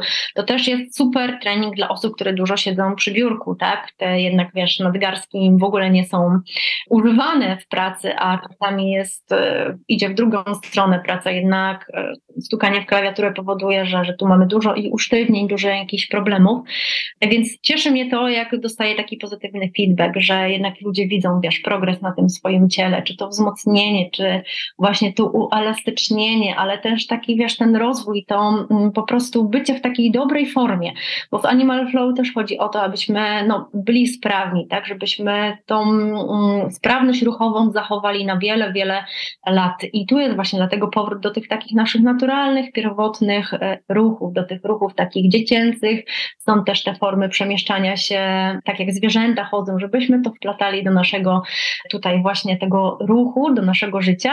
I z Animal Flow mm, na świecie wielu fizjoterapeutów pracuje. U nas pomału tak, tutaj też pomalutku to gdzieś zaczyna raczkować. No Animal Flow w Polsce jest od pięciu, może już od sześciu lat, więc stosunkowo też nie, niedługo i cały czas jest taką nową dyscypliną. Mhm.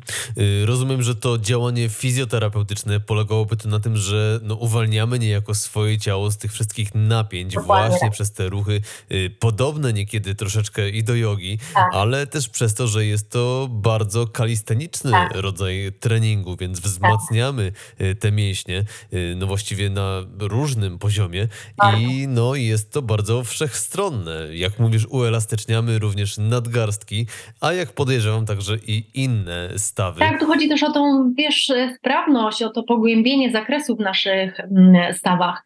E, czy tak samo koordynacja się pięknie tutaj poprawia. No, jest to naprawdę, myślę, że godna taka forma ruchu, aby się przypatrzeć, tak, żeby zobaczyć. Ja myślę, że każdy tutaj mógłby znaleźć też coś dla siebie, tylko trzeba się znowu, jak widzisz, otworzyć na to, tak, dać sobie tą przestrzeń, by pójść, żeby spróbować.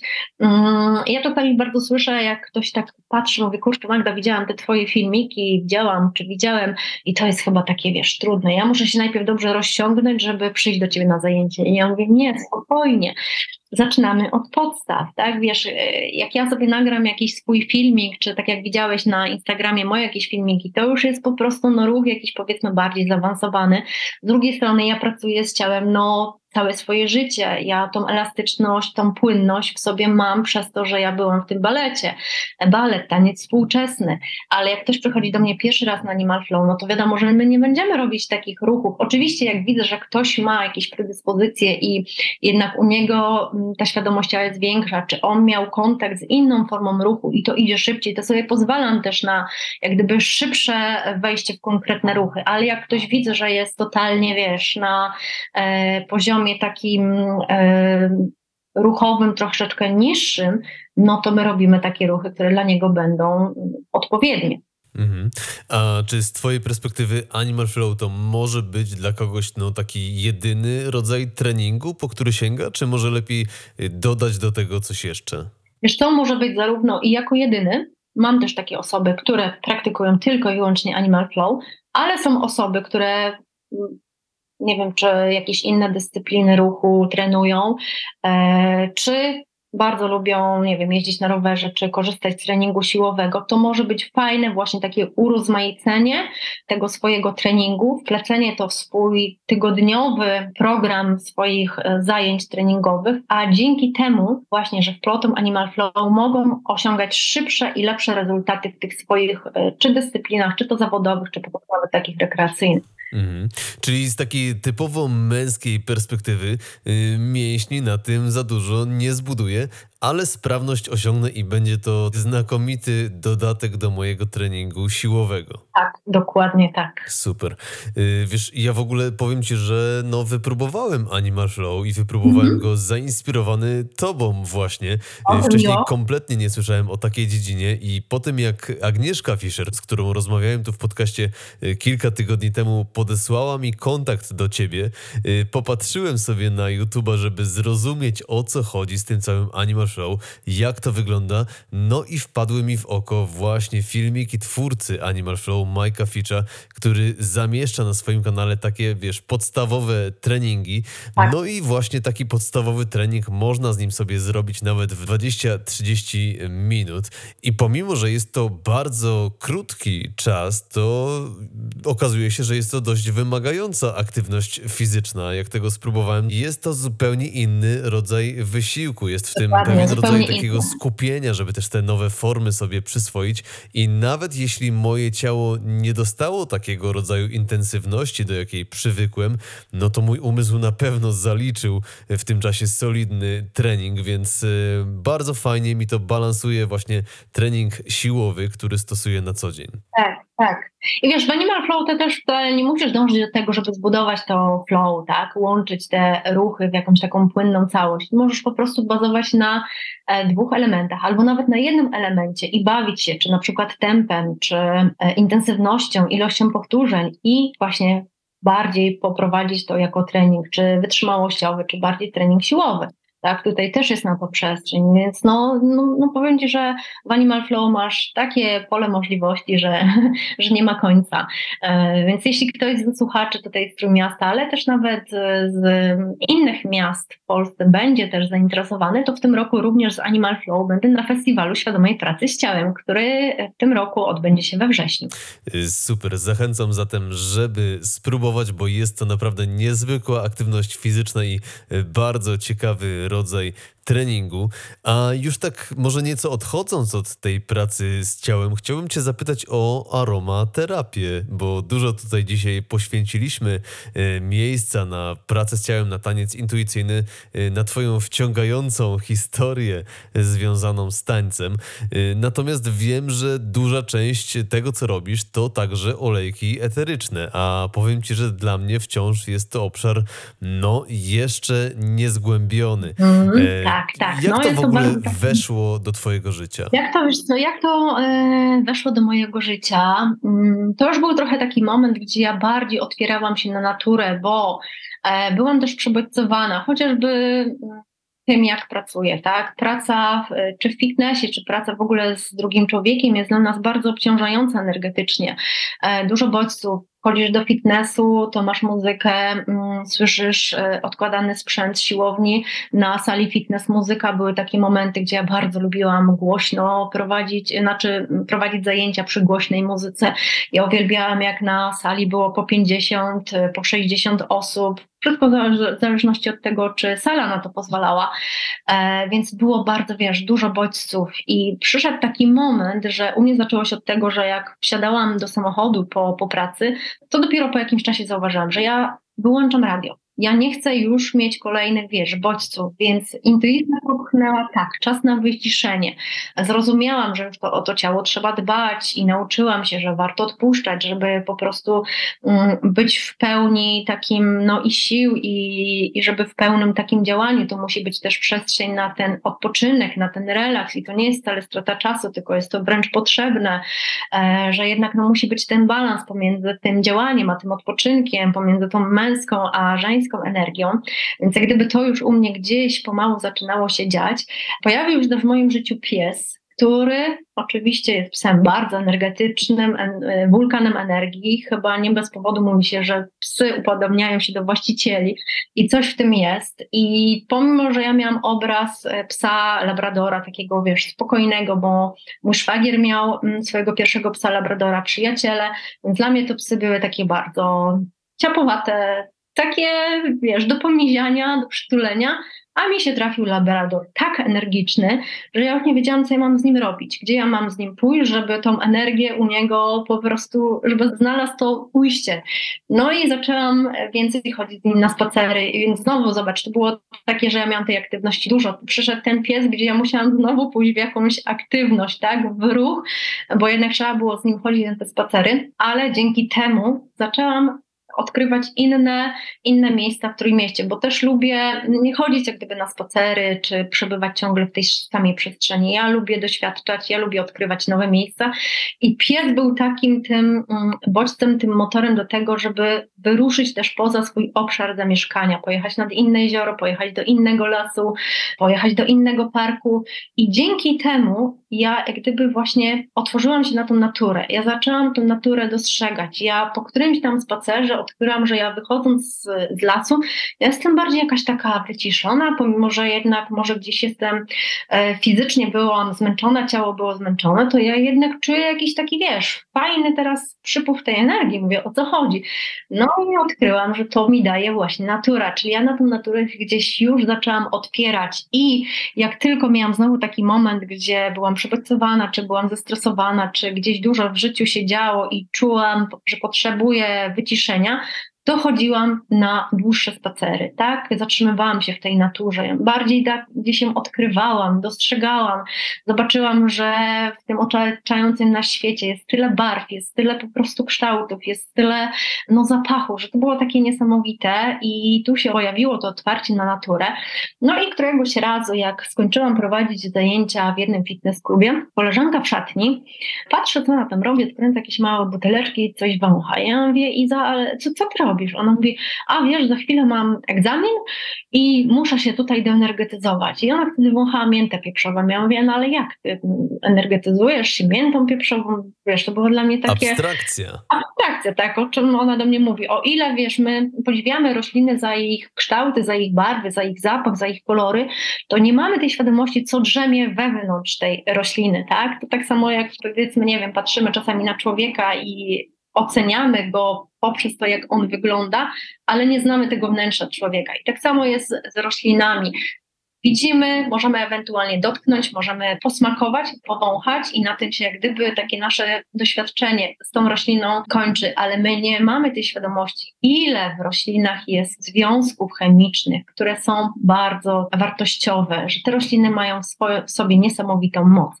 E, ale wracam do tego właśnie, że powąchała i za te olejki, no i jak gdyby tak się gdzieś ta moja przygoda z tymi olejkami zaczęła, przyjechałam do domu, zaczęłam tu wiesz, googlować, mówię olejki eteryczne, um, taki ciekawy temat i oczywiście kupiłam jakieś sobie pierwsze olejki eteryczne, ale to były takie olejki, które zakupiłam w sklepie zielarskim, w aptece, no bo nie miałam takiej wiedzy, że olejek eteryczny olejkowi nierówny, tak jak to wiele jest e, z innymi również produktami, które mamy dostępne na rynku. No i ten temat aromaterapii gdzieś tam zaczął już y, troszeczkę mi być taki, no myślę, że mógłby być bliższy, e, no bo to jednak natura, tak, to są jakieś wyciągi z roślin.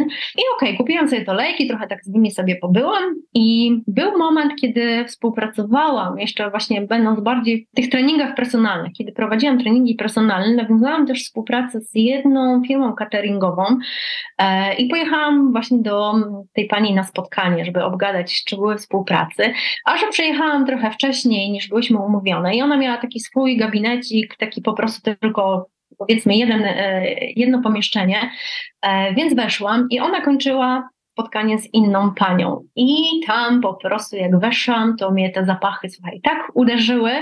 E, ja mówię, o co tutaj chodzi, co tutaj tak pachnie? A właśnie spotkanie, z którym, e, które było przede mną, to była mm, Kasia, która prowadziła spotkanie na temat olejków eterycznych. E, no jak ja usiadłam, to trochę znowu wpadłam jak taka śliwka w kompot. Nie, mówię, jak tu pięknie pachnie, pięknie tak wręcz, wiesz, naturalnie. To było dla mnie takie, że co mnie tak zaskoczyło i co mnie tak zadziwiło, do tego przyciągnęło, zupełnie inny zapach tych olejków eterycznych, które ja znałam wcześniej i które gdzieś tam miałam w domu. No i że, tak jak wcześniej też powiedziałam, że ja bardzo szybko lubię gdzieś nawiązywać relacje i interesować się tym też, co inni robią, to umówiłam się sama na spotkanie właśnie z tą Kasią i ona mi wtedy te olejki jeszcze szerzej zaprezentowała. No i ona wtedy przede wszystkim mnie uświadomiła, że są olejki eteryczne na rynku i olejki eteryczne. Jak wiadomo o co chodzi, to chodzi o jakość, tak? E, że można kupić olejek eteryczny za 5, za 10 zł, ale można również kupić olejek eteryczny za 100, a może nawet i 200 zł, bo tutaj chodzi o jakość. No i tak się wtedy złożyło, że ja tylko sobie kupiłam od niej olejek eteryczny z oregano, bo chciałam wesprzeć trochę swoją odporność, trochę oczyścić organizm z pasożytów i na tym oregano się skończyło, ale cały czas jak gdyby z tą osobą byłam w kontakcie. I właśnie w okresie pandemii tak się złożyło, że miałam dużo czasu, więcej się siedziało w domu, chcąc, nie chcąc, trzeba było siedzieć w domu.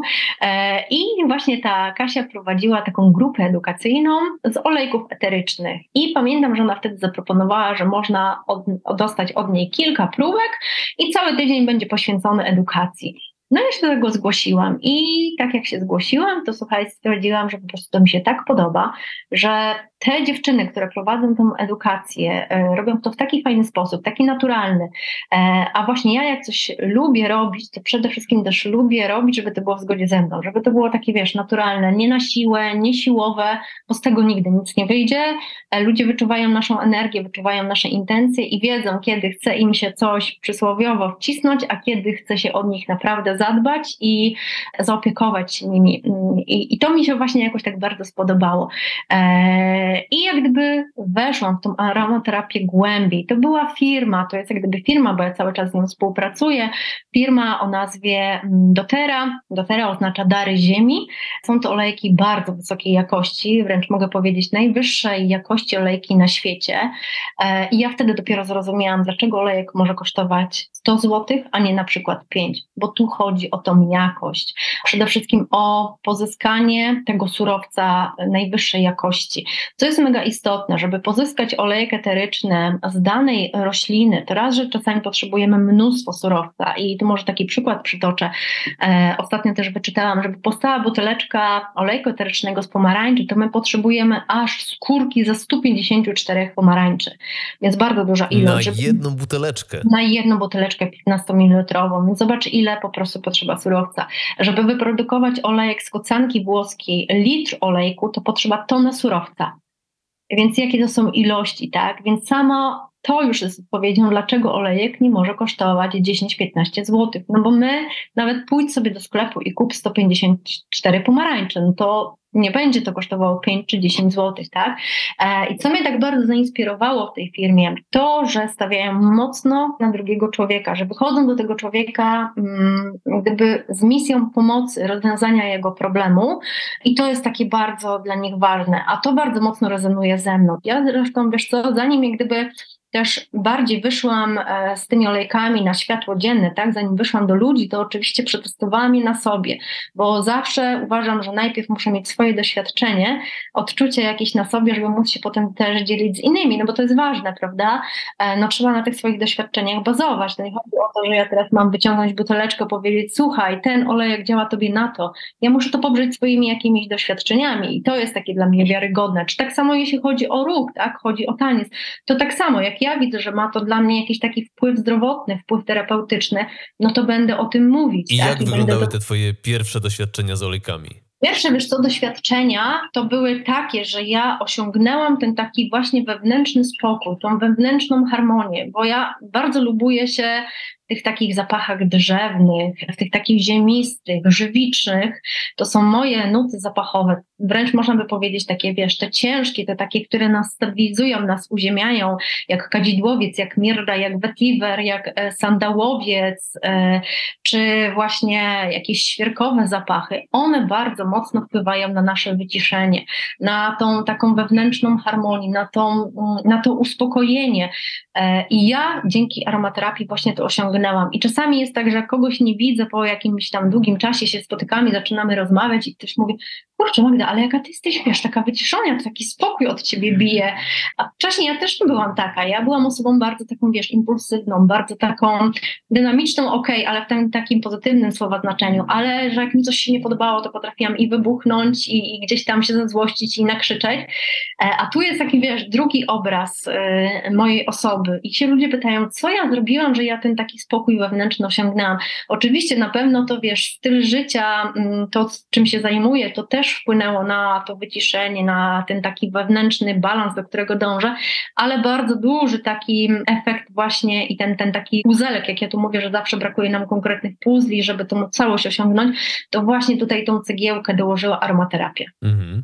Wiesz, samo słowo terapia mnie tutaj bardzo zastanawia, no bo według słownika języka polskiego y, terapia to określony sposób leczenia za pomocą leków lub zabiegów. No i tak. ciekawi mnie tutaj aromaterapia pod tym kątem, bo mówisz, że olejki eteryczne pomogły ci się wyciszyć. Mhm. E, w czym jeszcze mogą nam one pomóc? Aromaterapia, czyli ogólnie terapia zapachem, tak? Jak mamy choroterapia, terapia tańcem, czy nie wiem, filmoterapia, terapia poprzez film. Poprzez e... film? Jest coś takiego? Terapia poprzez sztukę, tak, oczywiście. E, no to tu tak samo aromaterapia, czyli terapia poprzez zapach. W ogóle aromaterapia jest słuchaj, tak, obszernym, mm, tak obszerną dziedziną, e, że ja uważam, że nie starczy mi życia, żeby jak gdyby wejść głębiej w te wszystkie obszary. Oczywiście mamy świetne tutaj wsparcie, jeśli chodzi o nasze emocje, ale również o takie mm, inne dolegliwości, bardziej te związane czy z naszym e, ciałem fizycznym, bo możemy zastosować olejki o działaniu przeciwbólowym, czy o działaniu przeciwwirusowym, przeciwzapalnym, ale również kwestiach pielęgnacyjnych, jak e, nie wiem, kobiety chcą opóźnić gdzieś procesy starzenia, czy mają jakieś przebarwienia na twarzy, czy jakieś wypryski, to możemy zastosować również olejki eteryczne. My możemy tworzyć swoje naturalne takie mieszanki, perfumy możemy robić. Ja dzięki olejkom eterycznym odeszłam od perfum syntetycznych, bo mm, dla mnie też jest bardzo ważne to, co nakładam na swoje ciało, tak? No bo jednak skóra jest bardzo dużym organem, chłonie wszystko to, co będziemy na nią aplikować, a skoro dla mnie jest istotne, aby karmić się tylko tym, co jest dobre, nie zawsze mamy na to wpływ i no niestety nie wszystkiego wyeliminujemy, ale tam na ile możemy włożyć te nasze starania, tę naszą świadomość, to uważam, że warto dbać o tą naszą skórę, o to nasze ciało, więc tutaj tym obszarze pielęgnacyjnym możemy również zadbać o naszą cerę dzięki właśnie aromaterapii. My możemy włączyć aromaterapię E, dla zwierząt. Możemy tworzyć swoje jakieś takie proste kosmetyki, czy tak jak już powiedziałam, czy perfumy, czy stosować aromaterapię u dzieci, żeby wesprzeć ich odporność. No, temat jest po prostu bardzo, bardzo obszerny. Aromaterapia nie jest niczym nowym. Z olejków eterycznych korzystano już bardzo dawnych, w czasach starożytnych. Kiedyś to były olejki eteryczne, były uważane za takie dobro luksusowe. Korzystano z nich właśnie czy w celach pielęgnacyjnych, czy w celach konserwowania żywności czy w celach takich, wiesz, e, duchowych, bo były stosowane w różnych ceremoniach, w różnych obrządkach religijnych. Używano ich właśnie dla królów, faraonowie korzystali, Kleopatra korzystała z olejków eterycznych, więc aromaterapia nie jest niczym nowym. Kiedyś nie było, wiesz, chemii, nie było leków, nie było syntetyków, tylko były rośliny i tego czerpano całą y, po prostu moc. Raz, że mieli taką wiedzę, my się znowu od tego odcięliśmy, ale na szczęście jesteśmy coraz bardziej świadomi i robimy ukłon w stronę natury, e, otwieramy się na wszystkie naturalne rozwiązania, bo myślę, że też jesteśmy bardzo zmęczeni mm, chemią, e, która tak naprawdę jest z każdej strony, tak? Mamy zanieczyszczoną wodę, mamy środki do czyszczenia gospodarstwa domowego. To jest jedna wielka po prostu bomba chemiczna, która wpływa na nasz organizm, na stan naszego zdrowia. Dla kobiet jest to bardzo istotne, ponieważ to rozregulowuje gospodarkę hormonalną. A dzięki aromaterapii możemy wprowadzić nasz ciało, nasze ciało, nasz organizm właśnie w tą homeostazę. Mhm. Y, mówisz tutaj o różnych sposobach użycia olejków eterycznych i nieco o ich działaniu na nasze ciało. Y, wspomniałaś o działaniu przeciwwirusowym, o działaniu na nasze emocje. Y, mówisz o skórze, o układzie hormonalnym. Wiesz co, zastanawia mnie, jak te olejki działają właśnie na nasz organizm na takim poziomie biochemicznym. Czy my na przykład poddając się aromaterapii, kiedy wdychamy te olejki, no to one co, stymulują jakieś konkretne receptory? Czy to jest też jakieś nie wiem, subtelne wprowadzanie do organizmu zawartych w olejkach substancji chemicznych? Jak to działa tak od środka? No przede wszystkim tak, olejki eteryczne możemy stosować na trzy sposoby. No pierwszy ten sposób, taki najbardziej chyba popularny, najbardziej znany, to jest właśnie to poprzez e, wdychanie, tak, tą drogą e, węchową, czy jakiegoś rodzaju inhalacji, czy wystarczy, że odkręcimy buteleczkę i używamy już, korzystamy z właściwości olejków eterycznych. Możemy go stosować miejscowo, czyli nakładając olejki eteryczne na skórę, ale co jest mega istotne i warto pamiętać zawsze o BHP, pamiętać należy o tym, aby olejki eteryczne rozcieńczać w jakimś oleju bazowym. Może to być oliwa z oliwek, może to być olej migdałowy, kokosowy, cokolwiek mamy, cokolwiek lubimy, czy bardziej jest e, dobrany do naszego rodzaju skóry i łączymy olejki eteryczne, bo olejek eteryczny jest to substancja lotna, ale jest to czysty wyciąg z rośliny, czyli on jest bardzo mocno stężony, więc jak my go zaaplikujemy bezpośrednio na skórę, możemy czy się poparzyć. Na przykład są olejki tak zwane gorące, do których e, zaliczamy oregano, tymianek, imbir, e, cynamon, nie możemy ich stosować bezpośrednio na skórę, tak? Bo możemy właśnie się poparzyć. Każdy, każdy z nas jest inny, każdego skóra jest inna, pH skóry jest inne, więc musimy o tym pamiętać. Czy chociażby olejki e, cytrusowe, które są fotouczulające, czyli nie zaaplikujemy olejku eterycznego z cytrusa na skórę i wychodzimy na światło słoneczne, tylko musimy pewien etap, kilka godzin, kilkanaście godzin odczekać.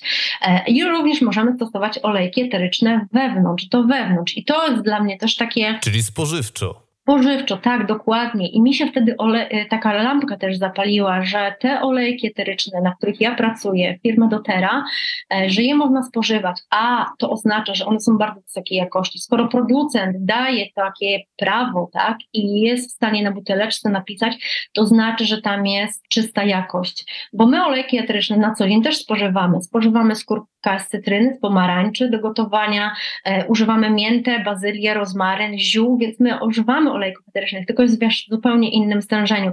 Olejki eteryczne są 70 razy silniejsze niż zioła, więc zobacz jaka to jest moc. Jedna kropla to jest jedna dawka terapeutyczna i my nie potrzebujemy tych olejków eterycznych 10, 15, 20 kropli, tylko jedna kropla już ma tą moc tej dawki terapeutycznej. My przez to, że my olejki eteryczne wąchamy, to wpływamy na centralny układ nerwowy, my wpływamy na nasz układ limbiczny, tak, który jest umiejscowiony w naszym mózgu, odpowiedzialny za emocje, odpowiedzialne za e, wspomnienia. Każdy rodzaj emocji ma swoje odzwierciedlenie w jakimś określonym profilu neuroprzekaźników czy e, emocji w naszym mózgu.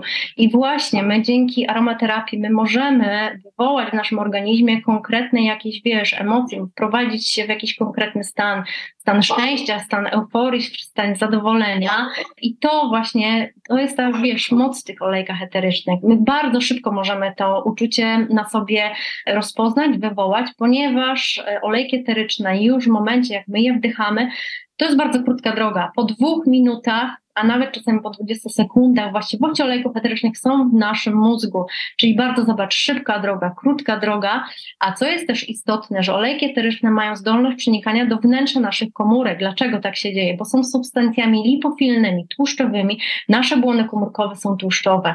I to jest magia w olejkach eterycznych, że one mają możliwość wnikania do wnętrza komórek, czego nie robią leki czy jakieś inne substancje chemiczne, tak? Dlatego taka jest moc tych olejkach eterycznych, czyli mają możliwość stopowania, duplikowania się wirusów wewnątrz komórek, a w ogóle też dlaczego rośliny mają olejki eteryczne? One nie bez powodu, wiesz, matka natura jest mądra i wyposażyła naturę w wszystko, co człowiek potrzebuje. Um, tak jak wcześniej wspomniałam, olejki eteryczne to mają właściwości czy przeciwwirusowe, przeciwgrzbicze, przeciw jakieś takie drobnoustrojowe i właśnie rośliny mają po to olejki eteryczne, aby mogły mogły się chronić przed czynnikami, przed jakimiś zagrożeniami, które czyhają na nich z otoczenia, tak? Czy jakieś grzyby, czy jakieś właśnie bakterie. I w momencie, jak roślina czuje zagrożenie, to uruchamia olejek eteryczny. To też nie jest tak, że wszystkie rośliny są olejkodajne, nie każda roślina, więc też nie wszystkie olejki eteryczne możemy spożyć wewnętrznie, bo na przykład, nie wiem, cyprys nie jest rośliną jadalną, tak? Więc to oczywiście musi mieć, yy, musimy brać to pod uwagę. Jak ja mówię, że olejki możemy spożywać do wewnątrz, ale no nie, nie wszystkie, no bo nie każda roślina jest jadalna. Bardzo ważne. Tak. Y, mówisz o tym, że różne olejki możemy sobie dobierać na różne potrzeby i wiesz co, zastanawia mnie to, w jaki sposób je dobierać. Y, czy istnieje tutaj w tym zakresie jakiś taki, nie wiem, wykaz tego działania na różne sprawy, czy może raczej powinniśmy udać się w tym celu y, na konsultację, na przykład do aromaterapeuty? Mhm. No na pewno warto mieć tak, takiego swojego przewodnika olejkowego, tak? E, taką osobę, która nas pokieruje, która pomoże nam dobrać olejki do swoich konkretnych potrzeb. E, bo to tak samo jest jak z olejkami, jak z lekami. Na jedną osobę dany lek nie będzie działał, tak, bo konkretna substancja chemiczna, e, która w danym leku jest, no, na nas nie będzie działała. Tak samo jest z olejkami eterycznymi. Olejki eteryczne to szereg różnych związków chemicznych, takich jak fenole, jak ketony, jak monoterpeny, jak estry i każdy z nas może na daną substancję inaczej wiesz, reagować. Albo w konkretnym olejku danego związku jest mniej, a w innym więcej. Więc to jest znowu taka kwestia bardzo indywidualna warto mieć taką osobę, która gdzieś nam pomoże, w szczególności wprowadzi nas w tą drogę, podpowie od czego zacząć, wysłucha potrzeb.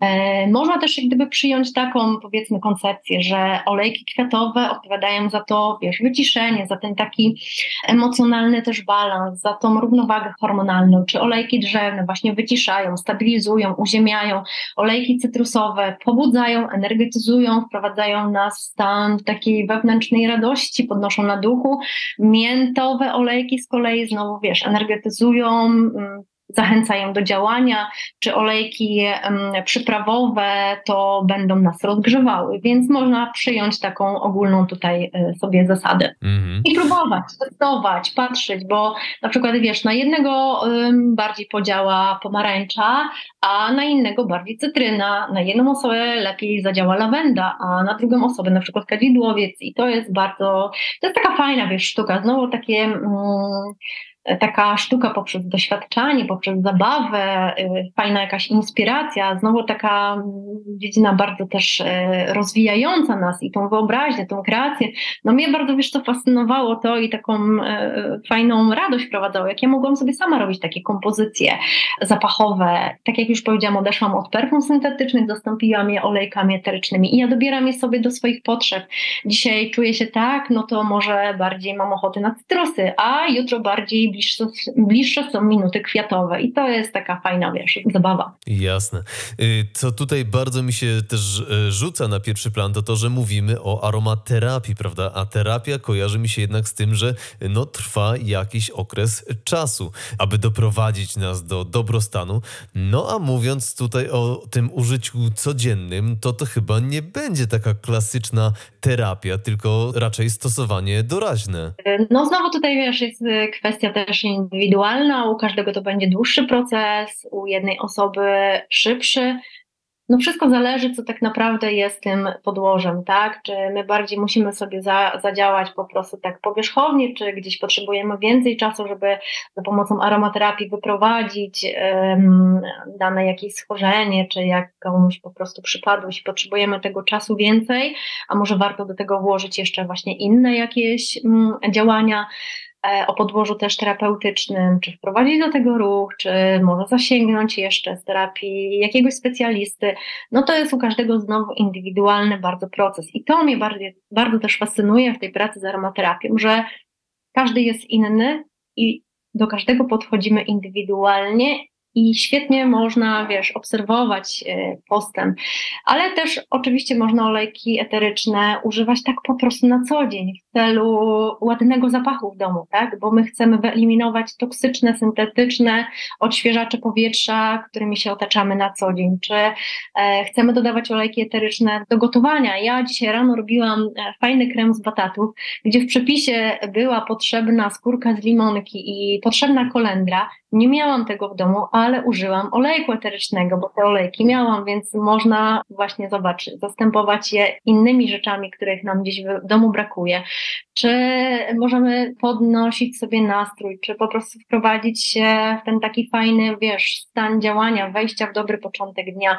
Czy my możemy olejki eteryczne wykorzystywać też w firmach po to, aby pracownicy byli bardziej odporni, żeby im się lepiej pracowało, żeby byli bardziej wyciszeni. Tu jest niesamowity potencjał, więc niekoniecznie my musimy olejków eterycznych używać w celach tylko takich terapeutycznych, ale właśnie, aby tą codzienność naszą tak fajnie urozmaicić, a jednocześnie zadziałać właśnie tak terapeutycznie. Wiesz to też sam węch kojarzy mi się z takim zmysłem, który no nie jest w naszej kulturze specjalnie na pierwszym planie. Jest to chyba taki obszar, który dla przeciętnej osoby, na przykład dla mnie, no jest dosyć subtelnym zmysłem. No i zastanawiam się tutaj, czy aby pracować z olejkami eterycznymi, my musimy być jakoś szczególnie wrażliwi? E, czy musimy być jakoś e, specjalnie wrażliwi? Nie do końca, wiesz, to takim bardzo fajnym przykładem są też dzieci, które wcale nie musisz im mówić, że stosujesz e, aromaterapię, tylko po prostu stawiasz dyfuzor w pokoju dziecka albo posmarujesz przed snem stópki dziecka, czy zastosujesz jeszcze w innym mm, celu, czy na przykład, nie wiem, boli dziecko brzuch i zastosujesz konkretny olejek eteryczny i widzisz efekt, tak? Dziecko po prostu e, mówi, mamo, nie boli mnie brzuch, albo e, dobrze śpi i ty po prostu to obserwujesz. Ono czasami właśnie nie musi być świadome, że ten olejek eteryczny jest na nim stosowany. Dziecko jest takim świetnym przykładem, że te olejki eteryczne działają, ale przede wszystkim wiesz, żeby się przekonać, czy aromaterapia działa, no to trzeba ją po prostu wprowadzić w życie, zacząć stosować olejków eterycznych na sobie, bo nie ma innego sposobu, żeby czegoś doświadczyć, jak nie poprzez wprowadzenie to w działanie. Mm. Yy, powiem ci, że no ja sam zacząłem stosować nawet olejek eukaliptusowy i co sam zauważam, to to, że mam wrażenie, jakby on wręcz fizycznie poszerzał mi yy, układ oddechowy, yy, co jest bardzo przyjemnym takim doznaniem, no szczególnie właśnie w tych górnych y, drogach oddechowych. No właśnie, my tutaj widzisz, poprawiamy ten zmysł węchu dzięki olejkom eterycznym. Nawet można stosować olejki eteryczne, jak ktoś straci węch, czy to wiesz, po covid wielokrotnie słyszałam, że ktoś utracił węch, więc są olejki eteryczne, które będą odpowiadały za to, że ten węch będzie nam wracał. Oczywiście u jednego pójdzie to szybciej, u jednego proces będzie dłuższy, ale tak olejki eteryczne też działają. Więc no to jest, powiem Ci, że niesamowity obszar ta aromaterapia i moim takim marzeniem jest, żeby olejki eteryczne znalazły się u każdego w domu. Super, to tak dla osób po covid po jakie olejki sięgnąć? No właśnie można sięgnąć po eukaliptus już wspomniany, czy po olejek różany. Już teraz też do końca nie pamiętam, bo tych protokołów e, na różne jakieś dolegliwości jest cała masa. Ja też mam literaturę fachową w domu, e, gdzie czerpię czy wiedzę, czy czerpię inspirację, no bo nie sposób wszystkiego zapamiętać. To jest bardzo, bardzo obszerna dziedzina. Czy kobiety w ciąży, to jest znowu kolejny mm, obszar aromaterapia dla kobiet w ciąży, czy dla zwierząt. Też mam specjalną książkę olejki eteryczne i zwierzęta i też na moim psie stosuję olejki eteryczne, czy czasami na jakieś zmiany skórne, czy po to, aby go właśnie wyciszyć, e, żeby trochę go tak, wiesz, żeby ta energia, ale jednak uziemić. Tak, uziemić, żeby znalazła gdzieś ten upust. Także no, stosuję olejki eteryczne właśnie na, na psie. A to jest w ogóle też ciekawa sprawa. W jaki sposób stosować olejek na zwierzęciu, właśnie na przykład na psie? E, co smarujesz mu gdzieś wokół nozdrzy? Wiesz to najlepiej jest taki sposób najbardziej bezpieczny. E, może jeszcze powiem, że olejki etyczne są bezpieczne, tak? Oczywiście, jak my mamy do czynienia ze stuprocentowym naturalnym olejkiem eterycznym. Ja mówię tylko i wyłącznie takim, nie który jest wypełniony syntetykami, e, jakimiś innymi jeszcze dodatkami, tylko mówimy o naturalnych olejkach, bo czasami ktoś ci powie, a olejki eteryczne na mnie nie działają, ale właśnie zauważ, jaki masz olejek, skąd on pochodzi, z jakiego źródła, czy pozyskiwany jest z tej rośliny, która rośnie w swoim środowisku naturalnym, bo to jest też bardzo istotne. Taka roślina będzie miała najlepszy profil chemiczny. My mamy w Polsce lawendę, my możemy wydestylować sobie olejek eteryczny z lawendy, ale żyjemy w innym klimacie, jest inne nasłonecznienie, inne związki w glebie, a może taka plantacja jest przy, nie wiem, drodze szybkiego ruchu, czy przy obwodnicy, tak, gdzie jest mnóstwo chemikaliów, może inne rośliny są czymś opryskiwane. To wszystko, jeśli taki będzie olejek eteryczny z takiej rośliny pozyskany, to niestety ten olejek będzie miał to w sobie. A że jak już wcześniej wspomniałam, docierają do wnętrza naszych komórek, więc my musimy zadbać o to, aby był czysty olejek, tak? Wtedy on będzie miał to mm, działanie terapeutyczne i będzie mógł nam pomóc. Więc takim najprostszym sposobem na stosowanie olejków eterycznych to jest to właśnie dyfuzowanie, tak? Ta droga, ta lotna, aromatyczna.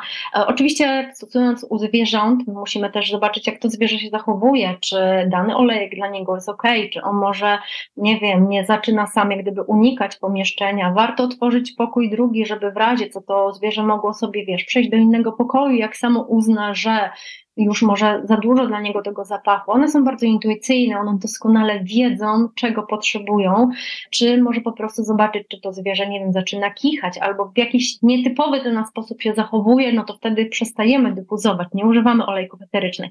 Ale ten sposób aromatyczny jest taki najbardziej bezpieczny. Ja często też jak wychodzę z domu, to puszczam do dyfuzora lawendę i tak z tym psa pozostawiam, bo lawenda wycisza, wprowadza, wiesz, ten taki sen, e, ale też e, dla zwierząt będzie to olej, który będzie wspierał przy lęku separacyjnym, e, więc jest takim olejkiem polecanym, więc to dyfuzowanie. Można oczywiście zastosować też na skórę, bardzo fajnym miejscu są kąciki tutaj uszu, ale oczywiście w rozcieńczeniu nawet większe niż u człowieka, bo pH skóry psa jest zupełnie inne niż nasze.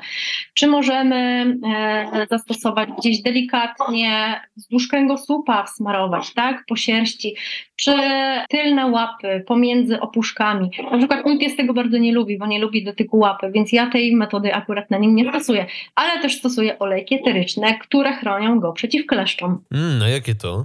Wiesz co, takie olejki to właśnie będzie czy eukaliptus, czy będzie drzewko herbaciane, czy będzie geranium, lemon eukaliptus, czyli eukaliptus cytrynowy, czy citronella, lawenda, mięta pieprzowa, tymianek, to są te olejki, które chronią nas e, przed różnego rodzaju insektami. Ja też albo sobie sama czasami tworzę taką specjalną kompozycję i Wtedy takie olejki, które po prostu w domu mam, to z tego tworzę, albo korzystam też z gotowej mieszanki o nazwie TerraShield i to jest taka ochrona zarówno zwierzęta, jak i osoby dorosłe. A dzieci już nie? Dzieci też, oczywiście dzieci też. Dobrze, czyli co, jak posmaruję sobie na przykład łydki taką kompozycją olejków i pójdę do lasu, to kleszcze mi już nie straszne. Tak, już masz tą, tak, już masz tą naturalną taką ochronę, a przede wszystkim jest to znowu zdrowe dla środowiska. Super, czyli co, kleszcze zostaną odstraszone, ale przynajmniej nic im się nie stanie. Y, Magda, wiem, że Twój czas jest dziś ograniczony, dlatego na tym rozmowę o olejkach już przerwiemy. Y, wszystkich, którzy chcieliby dowiedzieć się więcej na temat aromaterapii, odsyłam do Twoich mediów społecznościowych. A na teraz powiem Ci tylko dziękuję, bo przekazałaś tu dziś naprawdę dużą dawkę wiedzy i powiem Ci, że z prawdziwą przyjemnością y, mi się Ciebie słucha, no bo ten Twój flow po prostu płynie. Twoja pasja nie tylko do tego, o czym mówisz, ale też do samego życia po prostu przebija się tutaj na każdym kroku. I tym bardziej cieszę się, że mieliśmy okazję się spotkać i odbyć tę rozmowę, za którą właśnie jeszcze raz bardzo serdecznie Ci dziękuję. Dzięki. A na zakończenie mam do Ciebie jeszcze jedno ostatnie pytanie, które zadaję wszystkim moim gościom, a mianowicie ukłon natury to przede wszystkim wiedza na temat zdrowszego i pełniejszego życia, dlatego chciałbym, abyś biorąc pod uwagę całą swoją perspektywę, perspektywę i doświadczenie przekazała naszym słuchaczom trzy praktyczne wskazówki, dzięki którym ty sama żyjesz lepiej, zdrowiej i pełniej. Myślę, że numerem jeden to będzie dla mnie mm, to, abyśmy dbali o tą swoją taką wewnętrzną równowagę, żebyśmy umieli się zatrzymać, że jak czujemy, że jesteśmy przebodźcowani, czy jesteśmy w ciągłym działaniu, żebyśmy dali sobie prawo na ten reset, na ten odpoczynek. I też nie, że odpoczynek idę i teraz biegam, czy leżę i czytam książkę, czy oglądam seriale, tylko po prostu nic nie robienie. To jest najlepsza forma na wyciszenie się, na zregenerowanie, na przyjrzenie się też swoim myślom, co nam w tym umyśle tam tak kotłuje. A to też jest, wiesz co, fajny taki moment, ja u siebie to zaobserwowałam, bo kiedyś miałam poczucie, że jak odpoczywam, to znaczy, że tracę czas, a teraz wręcz przeciwnie. Dla mnie to jest bardzo cenne, bardzo takie mm, wartościowe, bo ja wtedy dostaję najwięcej inspiracji, najwięcej odpowiedzi na moje jakieś pytania, czy no, rozwiązania jakichś różnych problemów, ale widzę, że ciało niesamowicie się regeneruje, tak? Umysł się regeneruje i po prostu po takim odpoczynku, ja ten weekend taki miałam, trochę też pracowałam, ale trochę leżałam na hamaku właśnie po to, aby się zregenerować. I wtedy, jak jestem taka napełniona, w pełni zrelaksowana, mam większą chęć do wejścia w działanie, wręcz z takim, wiesz, większą siłą, ale też z nowymi pomysłami i, i do tego bardzo zachęcam, żebyśmy nie podchodzili do tego, że to jest strata czasu, żebyśmy dali sobie na to prawo. Bo jak to się mówi przysłowiowo, i z pustego Salomon nie naleje, prawda? Więc my musimy się napełnić po to, aby żyć pełniej, a jak my jesteśmy napełnieni, to się przekłada na wszystko, na nie tylko na naszą pracę, ale na relacje z innymi, na kontakt z bliskimi, no po prostu na całe życie. Więc to jest dla mnie takie numer jeden. Numer dwa, żebyśmy dbali o siebie i żebyśmy po prostu stawiali na naturalne rozwiązania, na naturalne rozwiązania, metody, które wspierają nasze zdrowie, żebyśmy ukłonili się w kierunku tej natury, żebyśmy wyciągnęli do niej rękę. Ona ma dla nas wszystko, wszystkie rozwiązania, tylko otwórzmy się na to, dajmy sobie prawo. Pewnie, że czasami będzie potrzeba więcej czasu, bo to nie jest metoda szybkiej tabletki i za pięć minut mamy efekt, przestaje nas boleć głowa, tylko jest to proces dłuższy, tak, ale jest to dla naszego organizmu zdrowe, to nie wywołuje żadnych skutków ubocznych. Czy to będą zioła, czy to będzie właśnie aromaterapia, czy jeszcze inne metody, które uważacie za naturalne i są w zgodzie z Wami, synchronizują z Waszym organizmem, sięgajcie po to. No i trzecia taka rada to aktywność, aktywność fizyczna, ruch, ale ten ruch, który jest w zgodzie z Wami. Nawet jak to będzie trening biegowy, to niech on sprawia Wam przyjemność. Nie podążajmy za modami, nie korzystajmy z tego, co teraz jest na topie, co jest modne, bo wszyscy to robią, tylko po prostu znajdźmy taką aktywność e, fizyczną, taki rodzaj ruchu, który będzie współgram z nami, tak? Będzie nam sprawiał dodatkowo, oczywiście my będziemy osiągać jakieś konkretne efekty, które chcemy osiągnąć, ale będzie to dla nas też zabawa, będzie to dla nas radość, będzie to dla nas przyjemność i żeby to była taka forma ruchu, która pozwoli nam utrzymać nasze zdrowie przez wiele, wiele lat, tak, żebyśmy byli sprawni, nie żebyśmy ćwiczyli na siłę, etapowali się, doprowadzali się do kontuzji, tylko żebyśmy podtrzymali naszą sprawność ruchową przez długie, długie lata. Super. Y, bardzo Ci za to dziękuję, bo chyba pod każdą z tych wskazówek mógłbym podpisać się obiema rękami, a ta ostatnia to już szczególnie ze mną mocno zarezonowała, bo wiesz co, to co ostatnio widuję wokół siebie, to naprawdę wiele osób angażujących się w aktywność fizyczną y, czy różnego rodzaju treningi, tak. no ale właśnie te treningi kojarzą im się raczej z czymś nieprzyjemnym, niemalże można powiedzieć ze złem koniecznym no a to zdecydowanie nie o to chodzi. Bo oczywiście robimy to dla zdrowia, ale jeżeli sam ruch nie sprawia nam przyjemności, no to jesteśmy skazani na taki powtarzający się y, konflikt wewnętrzny związany z tym ruchem, prawda? Mhm. Zatem znajdźmy sobie coś, co naprawdę nas cieszy. Ja na przykład bardzo lubię trening siłowy i związaną z nim intensywność i właściwie za każdym razem no nie mogę doczekać się kolejnego takiego treningu, a jakieś tam efekty efekty, no to powiem Ci, że schodzą u mnie totalnie na dalszy y, plan, no bo to nie one są tu najważniejsze. E, także tak, ta trzecia z Twoich wskazówek naprawdę mocno ze mną rezonuje. Angażujmy się w aktywność fizyczną, ale taką, która sprawia nam przyjemność. Tak. Tak, i żebyśmy przede wszystkim, wiesz, słuchali swojego ciała, bo ono nam podpowiada wszystko. Ono daje nam konkretne wskazówki, wie kiedy się zatrzymać, kiedy coś zmienić w naszym życiu. Otwórzmy się na to ciało, dajmy przestrzeń, żebyśmy słuchali swojego ciała. Ono doskonale wie, czego nam potrzeba. Tylko musimy zacząć je słuchać. Jak najbardziej.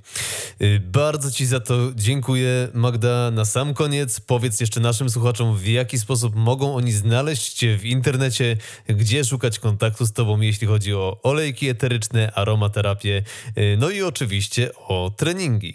Zapraszam serdecznie na mojego Instagrama. Myślę, że to jest przestrzeń, którą ostatnio jakoś tak najbardziej rozwijam. No, tak jak już powiedziałeś, Symfonia Przebudzonych Zmysłów, właśnie pod takim pseudonimem można mnie znaleźć na Instagramie. Oczywiście można znaleźć mnie na Facebooku. Też mam swój fanpage o takiej samej nazwie, Symfonia Przebudzonych Zmysłów. E, czy mój profil prywatny Magdalena Poborca również na Facebooku, czy droga mailowa magdalena.poborca gmail.com albo symfonia przebudzonych zmysłów gmail.com. Także zapraszam serdecznie do moich przestrzeni i mam nadzieję do zobaczenia. E, mam nadzieję, że słuchacze tutaj słuchali z zaciekawieniem, że nie zanudziliśmy i ja Tobie przede wszystkim dziękuję za zaproszenie. Był to dla mnie bardzo przyjemny czas. I za ten czas ja również bardzo Ci dziękuję, jak i za Twoją wiedzę, za Twoją perspektywę, no i za to, że dzielisz się z sobą. I to nie tylko tutaj podczas tej naszej dzisiejszej rozmowy, ale też za pomocą kont społecznościowych, które przed chwilą wymieniłaś, a do których linki zamieszczę oczywiście w opisie odcinka, aby każdy, kto będzie zainteresowany, mógł sobie wygodnie kliknąć i przejść do świata symfonii przebudzonych zmysłów. Świata, który mnie osobiście zainspirował do sięgnięcia na przykład po Animal Flow, ale też skłonił do tego, żeby przyjrzeć się aromaterapii. A jak przed chwilą właśnie powiedziałem, to zacząłem stosować na przykład olejek eukaliptusowy, który bardzo mnie cieszy, bardzo pomaga. Dlatego Magda, jeszcze raz wielkie dzięki. Życzę Ci wszystkiego najlepszego na Twojej dalszej drodze, a już do naszych słuchaczy. Jeżeli ta rozmowa wniosła coś wartościowego w Wasze życie, jeżeli uważacie, że informacje tu zawarte mogą przysłużyć się komuś jeszcze, zachęcam do udostępniania tego odcinka, dzielenia się nim z bliskimi. Będzie to dla mnie naprawdę najlepsza forma podziękowania i wsparcia dalszego rozwoju kanału. A tymczasem ode mnie to już wszystko. Ja mam na imię Jim. Moim gościem była dziś Magdalena Poborca. Słuchaliście programu Ukłon Natury, a po więcej informacji zapraszam na stronę internetową www.yango.pl. Dzięki Magda. Dziękuję bardzo.